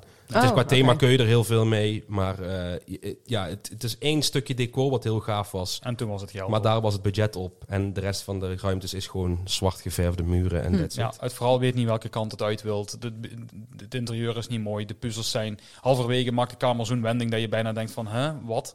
En, en dan nog eens gecombineerd met een paar puzzels. We hebben letterlijk een, pu- een sleutel gevonden en bijna 10 minuten bezig geweest met te vinden waar we die sleutel op konden gebruiken. Dus het is ook een grote kamer. Niet zo groot als je zou denken, maar als je een sleutelgatje zoekt van 5 mm, dan ben je even bezig. Dus eh dat is ook geen aanleiding om daar te gaan zoeken. Dus eh, nee, ik zou hem ook overslaan. Het is eh, niet de moeite waard. Oké. Dan gaan we naar de laatste kamer van onze trip eh in Nijmegen met de brewery of Stan. La Cerveceria. Ja, een kamer in samenspraak met het bekende biermerk hebben hebben eigenlijk deze kamer gesponsord. Eh 80 minuten, 3 tot 6 spelers, 100 euro en geen acteurs. Je moet er wel even bij weten dat de kamer op een andere locatie ligt dan eh, waar het bier gebrouwen wordt. Want jij loopt er letterlijk langs en je denkt, wow, vet. En dan blijkt daar de kamer niet te zijn. De escape room is ontworpen in samenwerking met Estrella Dam, een topbier in Barcelona. De brouwerij is een high-tech spel. Jozef, de biermeester, wacht op je. En als je niet van bier houdt, ben je ook meer dan welkom. We hebben hem alle vier gespeeld. Ik vond het een fantastische kamer. Ja, Eens. Ja. Ik denk dat deze kamer qua totaal puzzels en eh, eh, technische hoogstandjes en dergelijke echt wel het meest in de buurt komt bij een kamer die wij hier in België en Nederland hebben. Ja. Het is een heel compleet pakket. We hebben hem hintloos gespeeld. We hebben ons nergens gehaast. Eh, we hebben met vier man echt lol gehad. Iedereen draagt wat bij. Eh, alles was logisch voor ons. Alles is een thema. Alles werkte. Was goed afgewerkt. Goed onderhouden. Was een propere kamer. En je leert ook nog iets bij. Ik, ik vond het echt fantastisch. Ja, eens. Ik, eh, dit was wel de eerste kamer trouwens die wij speelden in eh, Barcelona. Dus we hadden onszelf meteen al getrakteerd op een hele goede kamer. Wat wel even wennen was, en daar hebben we volgens mij nog niks over gezegd, is dat ze vaak lange introfilmpjes hebben. Ik weet niet of dat jullie dat hebben ervaren, maar echt op meerdere escape, bij meerdere escape rooms dat we nou, echt wel vijf minuten een film, echt een soort van, ja, echt cinematisch eh, ehm, ja, filmpje aan het kijken waren. Ja, en dat was hier lang. ook. Ja, het duurt lang. En dat was voor ons wel heel even van, huh, eh, wat, eh, wat, eh, what's going on? Maar heel mooi gemaakt, heel tof eh, ingeleid op die manier. En het neemt je heel goed mee in het verhaal. En ik sluit me aan bij wat jij zegt, Yves. Vooral ook datgene dat je wat leert en dat de escape room dus ook zo logisch is, omdat je gewoon het proces volgt wat klopt bij het bierbrouwproces. Ja, maar ook was, je komt Dat de vind ik gewoon kamer super binnen. vet. En in eerste instantie denk je, waar hebben ze al die puzzels verstopt? Dat kan Ja. toch niet? En dan stapje voor stapje denk ik, ah, daar had ik net niet naar gekeken. Oh, dat wijzertje doet toch mee. Of, oh, hier moet ik toch iets mee. En dat vond ik zo mooi in die kamer. Het voelt gewoon als echt aan en als compleet. Ja. En je denkt, oké, waar gaan hier die puzzels zitten? En alles draagt bij tot aan het verhaal. Ja, er zit en wat heel ik- veel techniek in de kamer. Dat, eh, je kan echt wel merken dat hij is gesponsord. Dus Zeker. is, eh, en dat maakt ook dat hij voldo- ja, vergelijkbaar is met de Nederlandse en Belgische kwaliteit. Ja, en wat ik daarnaast heel tof vond, is dat ze in deze kamer er echt voor hebben gekozen dat ieder heeft een bepaalde rol in de kamer. En iedereen heeft dus ook zijn eigen Eureka-momentjes. Dat, dat vond ik echt superleuk. Je hebt continu heeft iedereen wel het gevoel van, oh vet, dit heb ik gedaan, super vet. En dat, dat vond ik echt wel heel erg leuk. Dus ondanks dat de kamer je misschien iets minder kan liggen, of dat je de puzzels net niet ziet, dat kan natuurlijk altijd, heb je toch altijd je, je Eureka-momentjes. Ja, helemaal eens. En ik vond ook dat de, de puzzels heel lekker flow. Wat jij zegt, hè, ook, eh, dat, dat, het was gewoon heerlijk puzzelen. Ook het klopte, het, het, het, het, het viel in elkaar. ehm, fijne moeilijkheidsgraad, veel diversiteit ook in de puzzels. Ja, dus het is ook echt niet één, eh, Ja. één pot nat. Ja. Gewoon een kamer die je niet mag overslaan. Ja, absoluut. Ik kan nog wel meegeven dat ehm, de host niet per se snel ingrijpt. Want eh, soms heb je wel eens in een kamer in Nederland dat je iets gaat doen en dat je denkt, is dit wel het correcte om te doen? En dan kijk je zo'n beetje die camera in en zeg je van, ik ga nu dit doen. Weet je, en dan hoop je dat een host ingrijpt.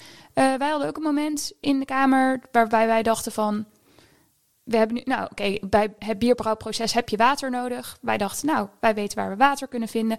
Dus wij eh, lopen ehm, enthousiast ergens heen waar we water konden vinden. Eh, maar we dachten wel van, is dit de bedoeling? Het voelt niet helemaal als de bedoeling. Wij kijken de camera in, wij zeggen, is dit, wij gaan dit nu doen in het Engels. Ehm, geen respons. Wij doen dat, we laten de boel overstromen en ehm, nog steeds niks. Uiteindelijk kregen we wel van de host van ja, zorg wel dat het eh, goed droog is. En achteraf zei hij ook, ja, ik was echt wel bang dat jullie een schok zouden krijgen of zo. Want er was ook niks om het droog te maken. Dus weet je, als je denkt, is dit logisch? Het- heeft geen zin om het in de camera te checken. Gewoon, doe, doe maar Waarschijnlijk niet. niet. Als het Doe onlogisch voelt. Ja, Ja, maar doe, toch- doe dan maar gewoon Toch zit er op een gegeven moment een puzzel in de kamer dat ik dacht van, klopt het wel wat we aan het doen zijn? En daar was het wel weer De juist bedoeling. wat we aan het doen Oké, waren. nou ga dan niet gewoon zelf klooien met Ja, het water. Misschien moet dat gewoon water. zeggen. Doe, doe niet met het water wat Ja, niet precies. logisch voelt. Maak geen dingen nat waar techniek in zit. En wat natuurlijk ook wel heel leuk is om, eh, om te vertellen, is eh, dat het ook uiteindelijk natuurlijk loont om dat bierproces af te ronden. Zeker. Dat bierbrouwproces Zeker af te weten. ronden. Ja, het was eh, echt, echt heel leuk. Ik heb me echt heel erg vermaakt daar. Ik. Ja, en daarna kom je ook weer terug in een hele sfeervolle ruimte, waar ook nog eens ruimte is om even na te praten. Dat hadden we aan het begin trouwens wel echt gemist. Eh, de host was ook te laat, dus dat was wel even een bammer. Maar hij maakte dat aan het einde meer dan goed door gepassioneerd over de kamer te praten en even met ons na te borrelen. Tof? En met deze toppers hebben we eigenlijk door het hele lijstje geraakt. Dus eh, ja, het was, een, het was een, ja, een reis van denk ik meer dan 30 kamers. Ja, we hebben er echt gezamenlijk veel, eh, veel gespeeld. Dus we hopen dat jullie er iets aan hebben. We hebben ze allemaal op de site gezet. Daar moeten we Marieke even voor bedanken voor alle inzet die ze getoond heeft voor eh, de site helemaal in orde te maken met alle links, de prijzen. Ehm, jullie kunnen er alles op terugvinden. Stan en ik moeten Marieke ook bedanken voor eh, de planning die zij voor ons gemaakt heeft in Barcelona natuurlijk. Evenals de top 10 lijstjes kun je ook terugvinden van eh, alle aanwezigen hier. Dus eh, mocht je je afvragen wat we nou eigenlijk op 1 hebben staan en op, eh, nou ja, op 10, dan kun je dat daar ook terughalen. Ja. Nou, dan rest ons enkel nog om eh, ja, jullie te bedanken, Stan en eh Micheline, om weer aan te sluiten. Bedankt dat we er mochten zijn. Graag gedaan ook. Ja, welke reis eh, wordt het de volgende keer, jongen? En sowieso nog terug naar Barcelona. Voor mij staat Polen op de planning. Oeh, Voor mij in de verre toekomst ook nog, ja. Ik zou ook nog steeds wel graag naar Budapest. Oh, nee, niet Budapest, Boekarest Boekarest gaan. Ja. Maar ik denk niet dat dat echt iets is van, oh, er zijn echt eh, prachtige kamers, maar dat is wel puzzelen. Puzzelen, puzzelen, Puzzelen voor weinig geld. Ja, ja, ja. Genoeg te spelen nog. Ja, dus wie weet met wat we nog eh, terugkomen. Nou, dan rest ons enkel nog om jullie te bedanken voor het luisteren. En tot de volgende. Tot de volgende. Doei doei.